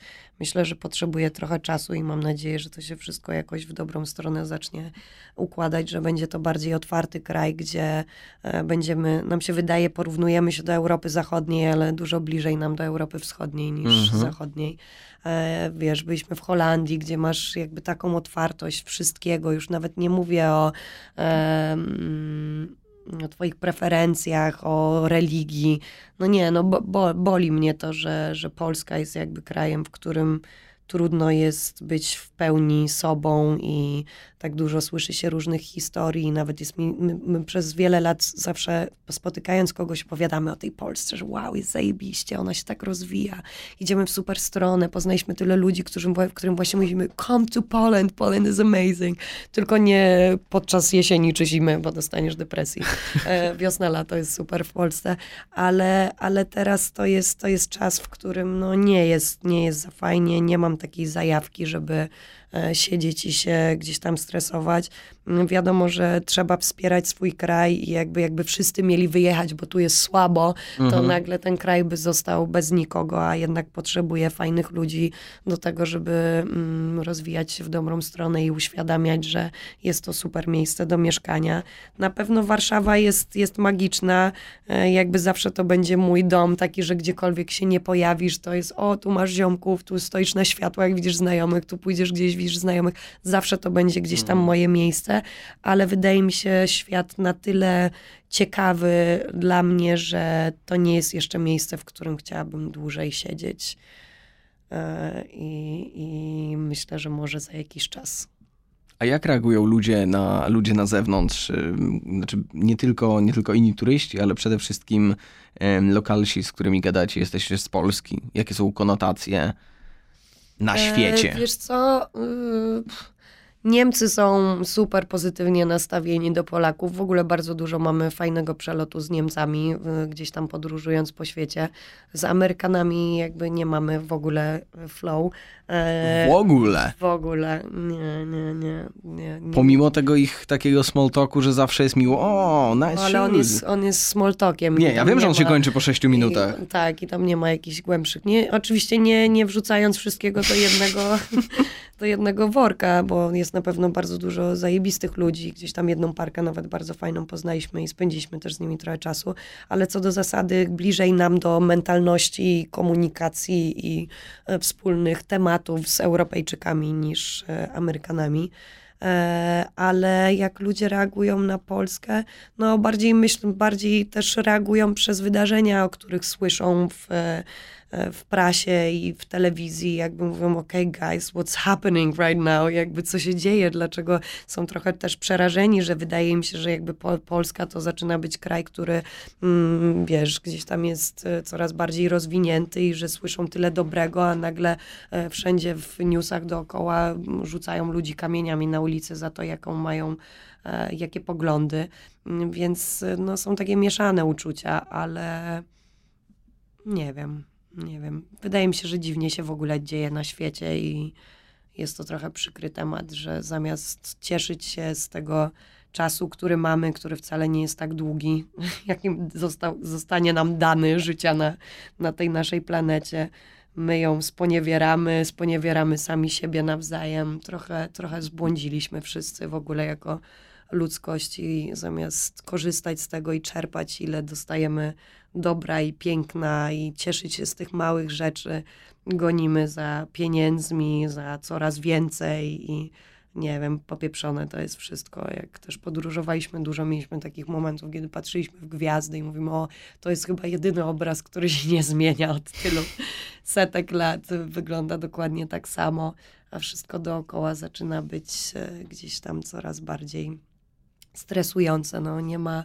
nie, ma, nie mamy czasów, w których mamy konflikty mm, na swoim terenie, ale są to konflikty bardziej międzyludzkie, czy walka o planetę, o której tak dużo się mówi, ale to się mówi wśród nas, wśród małego gdzieś tam nadal kręgu ludzi, a i tak ci, co pociągają za sznurki, mają to gdzieś, więc miejmy nadzieję, że e, będzie to zmierzało w dobrą stronę. Trzeba po prostu o tym mówić i wszystkie te mm, kontakty, które mamy z ludźmi, jakieś takie przypadkowe przy stołach, one bardzo fajnie się rozwijają e, i, schodzą na temat właśnie e, bieżący, dotyczący całego świata, czyli właśnie po, ci podróżujący też dużo bardziej widzą, jaki jest Mhm. faktycznie problem. Jak jesteś w Warszawie i wrzucasz sobie śmieci do e, zbiorników i później to segregujesz, znosisz na dół, jakby widzisz koniec historii twojego śmiecia.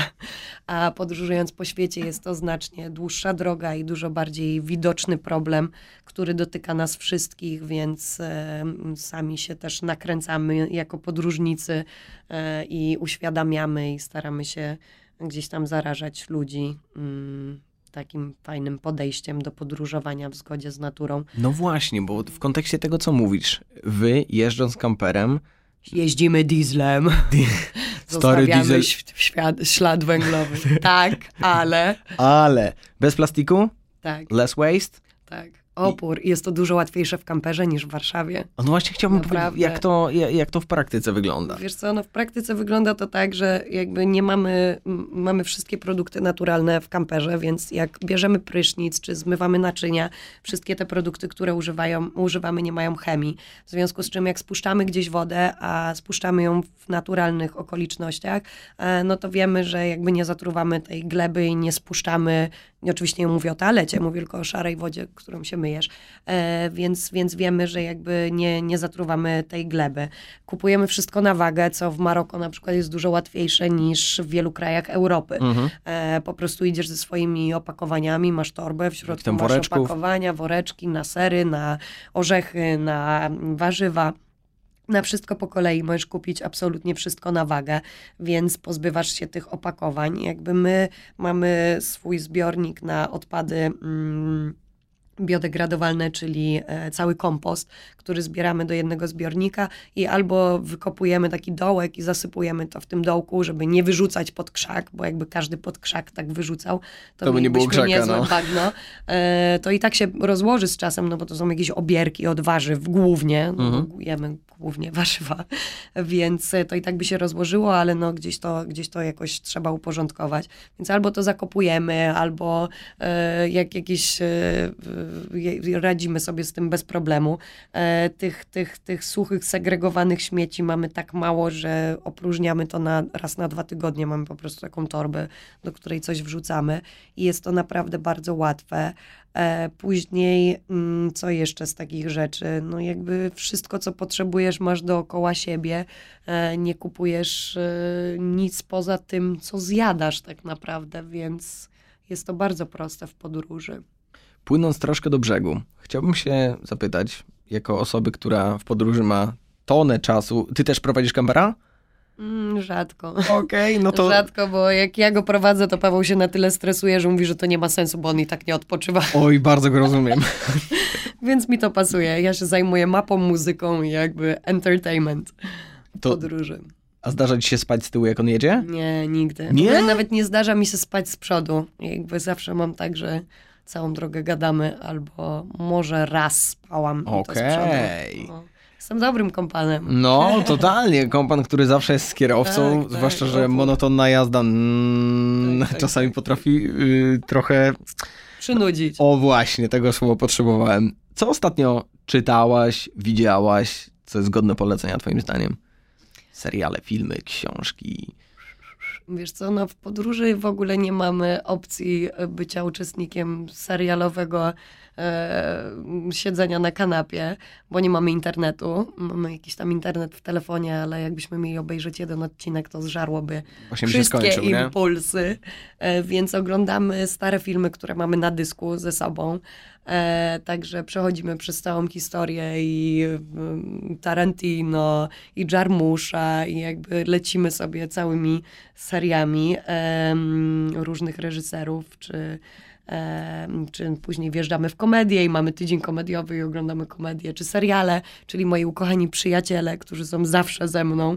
Jestem totalną psychofanką przyjaciół, która zna każdy sezon na pamięć, aż do granic możliwości.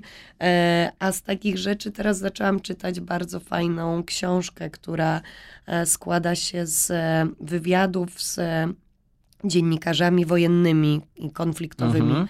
Którzy wyjeżdżają na różne konflikty na całym świecie i rozmowa dotyczy tego, na ile oni są w stanie powrócić do swojego własnego życia, na ile to, co widzieli, to jak, w jakich warunkach żyli, będąc świadkiem tego wszystkiego, na ile jest w stanie, mm, na ile są w stanie oddzielić tę pracę od swojego prywatnego życia, na ile to w nich zostaje. E, bardzo, bardzo ciekawa książka, bardzo mocno poruszająca i uświadamiająca nam to, że powinniśmy być tak mocno wdzięczni za to, co mamy i za to, co nas otacza, bo to nie jest nasza zasługa, że urodziliśmy się tu, a nie w innym kraju, jakby dlatego powinniśmy naprawdę mm, cieszyć się z tego, co mamy i doceniać to. E, a z takich rzeczy, które jeszcze widziałam, czekaj, a oglądałam ostatnio stary film, e, mam tak słabą pamięć do nazwisk, ale e, mm, Wielka Ryba. Wielka o Ryba. kurde, wielka ryba? Tak, Wielka Ryba. Chciałbym jest... pomóc, ale nie mam pojęcia. Aha, okej. e, czekaj, chciałam to wygooglować, bo to jest No to naprawdę... googlujmy. Czekaj. To jest chwila, w której film, sięgamy który, po e, Google, żeby podać wam dokładny tytuł. Wielka ryba. On tak jak, pisze wielka ryba. To ci wyskoczył wolniciorkę.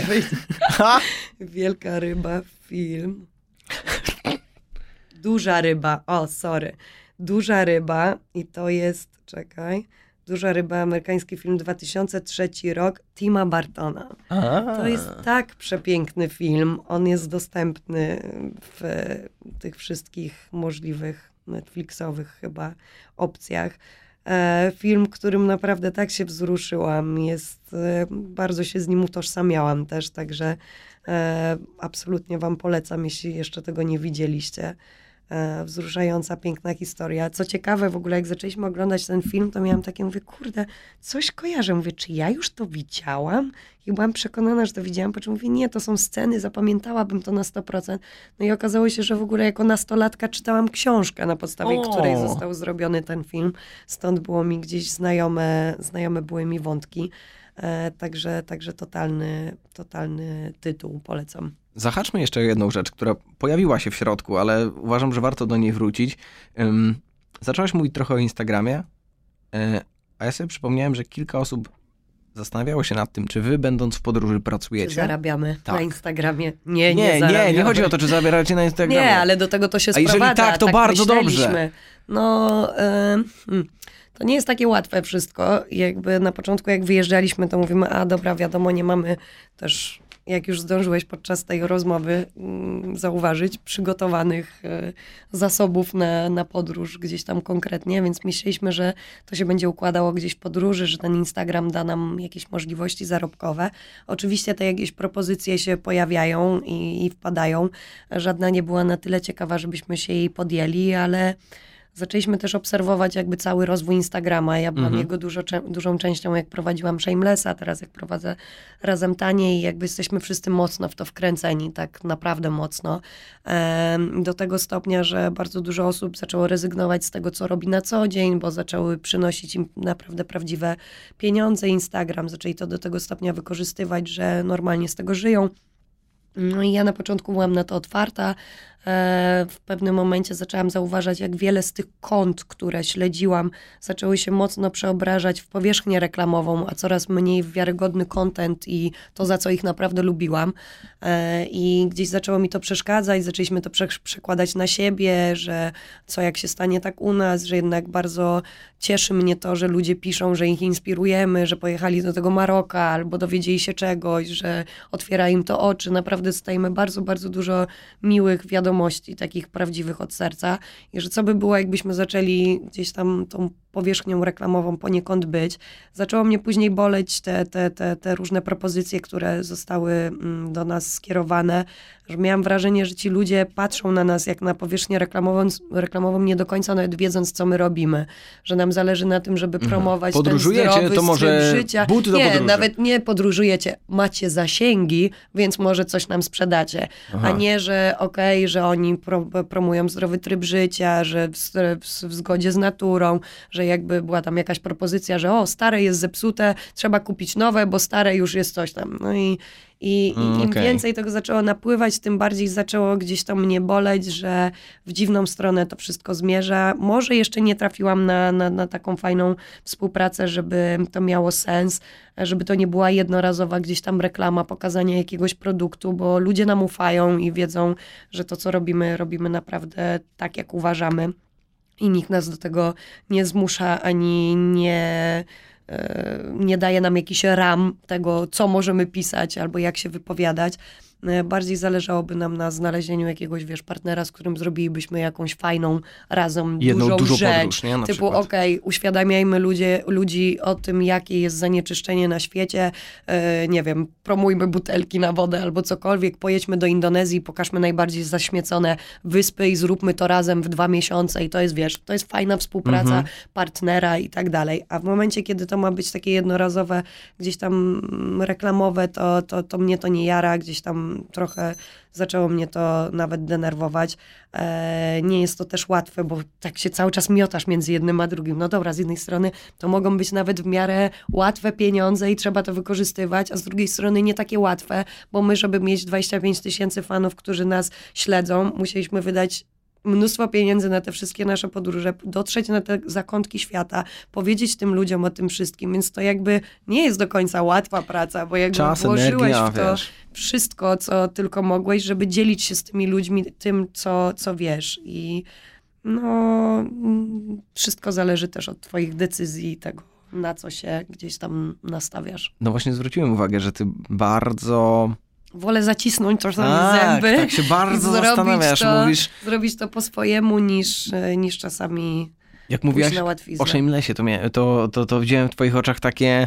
Nie, to nie jest w zgodzie ze mną. No, Że, że, tak, na, że tak na maksa... Mocno, mocno staramy się tego trzymać, żeby to było w zgodzie ze sobą, bo łatwo jest podjąć decyzje, które nie będą w zgodzie z tobą, a później można ich długo żałować. Albo z drugiej strony może być też tak, że jedno minie tak szybko, że za rok już nawet nie będziesz o tym pamiętał. Może za bardzo się nad tym skupiamy, nie wiem, ale tak wydaje mi się to po prostu naturalne, że mm, taka jest jakaś kolej rzeczy. No. No dobra, ale mimo wszystko na ten internet i pokazywanie tego światu patrzysz w takich różowych kolorach, nie? Tak, na maksa. Patrzę na to chociażby ze względu na to, że autentycznie, wiesz, ludzie wysyłali mi zdjęcia z, z miejsc, w których byliśmy i że dziękują za polecenie, że tam dotarli, że w życiu by nie pojechali do Maroka, ale po tych trzech miesiącach, które codziennie w mia- miarę e, codziennie pokazywaliśmy, jak wygląda to nasze życie w Maroko, że w ogóle się zakochali i w ogóle to jest cudowny kraj. Jakbym tak się czuję, jak taki, taką, jakbym miała taką małą misję pokazywania ludziom, jak wygląda ten świat, jakie mogą być inne religie, jak e, zakochałam się jakby w całym mm, temacie ramadanu, którego wcześniej nie rozumiałam. Też dosyć obszernie o tym pisałam na Facebooku, jak na początku gdzieś tam mówiliśmy, ramadan mają nie jeść przez 30 dni, tak się, mm, oczywiście w ciągu dnia, bo po, po zmierzchu się je i pije, ale mówię, Boże, co to jest w ogóle, w jakich czasach my żyjemy, czy to jest średniowiecze, że w ogóle ludzie mają do takich... e, No takie jest tam- postrzeganie. takie jest postrzeganie i później im bardziej zaczęliśmy po, poznawać to wszystko, podróżowaliśmy w Ramadanie przez cztery muzułmańskie kraje, e, jedne super restrykcyjne jak Mauretania, Senegal, Gambia, Gambia trochę mniej, ale wszystkie są muzułmańskie i wszystkie bardzo mocno... Mm, poważnie podchodzą do tematu ramadanu i kultywują go, e, to, to wiesz, nagle zaczęliśmy patrzeć na to z zupełnie innej strony, rozmawiać z tymi młodymi, starszymi ludźmi i zaczęliśmy od, odnajdywać w tym naprawdę ogromny urok i piękno takie, które jest tym prostym pięknem, że doceniasz właśnie te rzeczy, zbliżasz się bardziej do ludzi ubogich, którzy mają problem z tym, żeby e, wyżywić swoją rodzinę albo coś takiego, e, więc, więc generalnie mm, bardzo, bardzo ciekawy temat, jak przez podróże możesz pokazać ludziom, jak e, ciekawyż i e, zaskakujący potrafi być świat, więc cieszę się, że przez tego Instagrama mogę gdzieś tam im to pokazywać i mieć taką swoją małą misję. A tego. co oznacza super restrykcyjne? Super restrykcyjne e, oznacza chociażby to, że w nazwie pełnej e, Mauretanii wi- widnieje Republika e, Republika muzułmańska Mauretanii. To jest pełna nazwa Kraju. kraju. I do tego stopnia jest restrykcyjne, że no, jak idziesz z butelką wody po ulicy, no to w Mauretanii naprawdę spojrzą na ciebie krzywo, tak że ktoś cię może opieprzyć za to, że nawet nie pijesz tą wodę, tylko w ogóle sobie. kusisz kogoś innego. E, bardzo, bardzo to jest wierzący kraj. E, więc widzisz te różnice. Gambia też jest muzułmańskim krajem, ale już widzisz ludzi, którzy e, mm, jedni są bardziej lub mniej wierzący, a tam w ogóle jest tak, że masz wrażenie, że nie ma żadnego odstępstwa od, e, od ramadanu. Mm, Wszyscy są ubrani e, w, w, mają nie pozasłaniane twarze, ale dziewczyny chodzą, już jestem zmęczona, przepraszam cię, ale już mi brakuje słów czasami e, po dwóch godzinach gadania. Także e, no fajne, fajne wspomnienia, fajne kraje. Dziękuję ci bardzo. Tak. Czego życzyć? Dużo energii? Mm, tego, żeby nie, nie przestawać marzyć i nie przestawać realizować tych marzeń, no. Jeżeli ktoś jeszcze nie miał przyjemności, to zapraszamy zarówno na Instagram Razem Taniej, jak i na razemtaniej.pl. Mm, kom. Kom! A, no to skreślajcie to PL, na, na kom wchodzimy. A Tam co jest pod razem taniej? A poczekaj, co jest pod razem taniej.pl?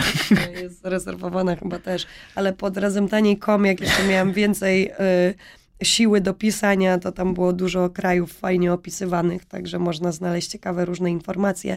Dzisiaj mam małe zaległości, bo Instagram pochłania tyle czasu, jeszcze jak się robi instastory i posty i wszystko, że nagle okazuje się, że całą swoją energię przerzucasz w prowadzenie jednego e, kanału mm, społecznościowego, ale tam też można znaleźć wiele.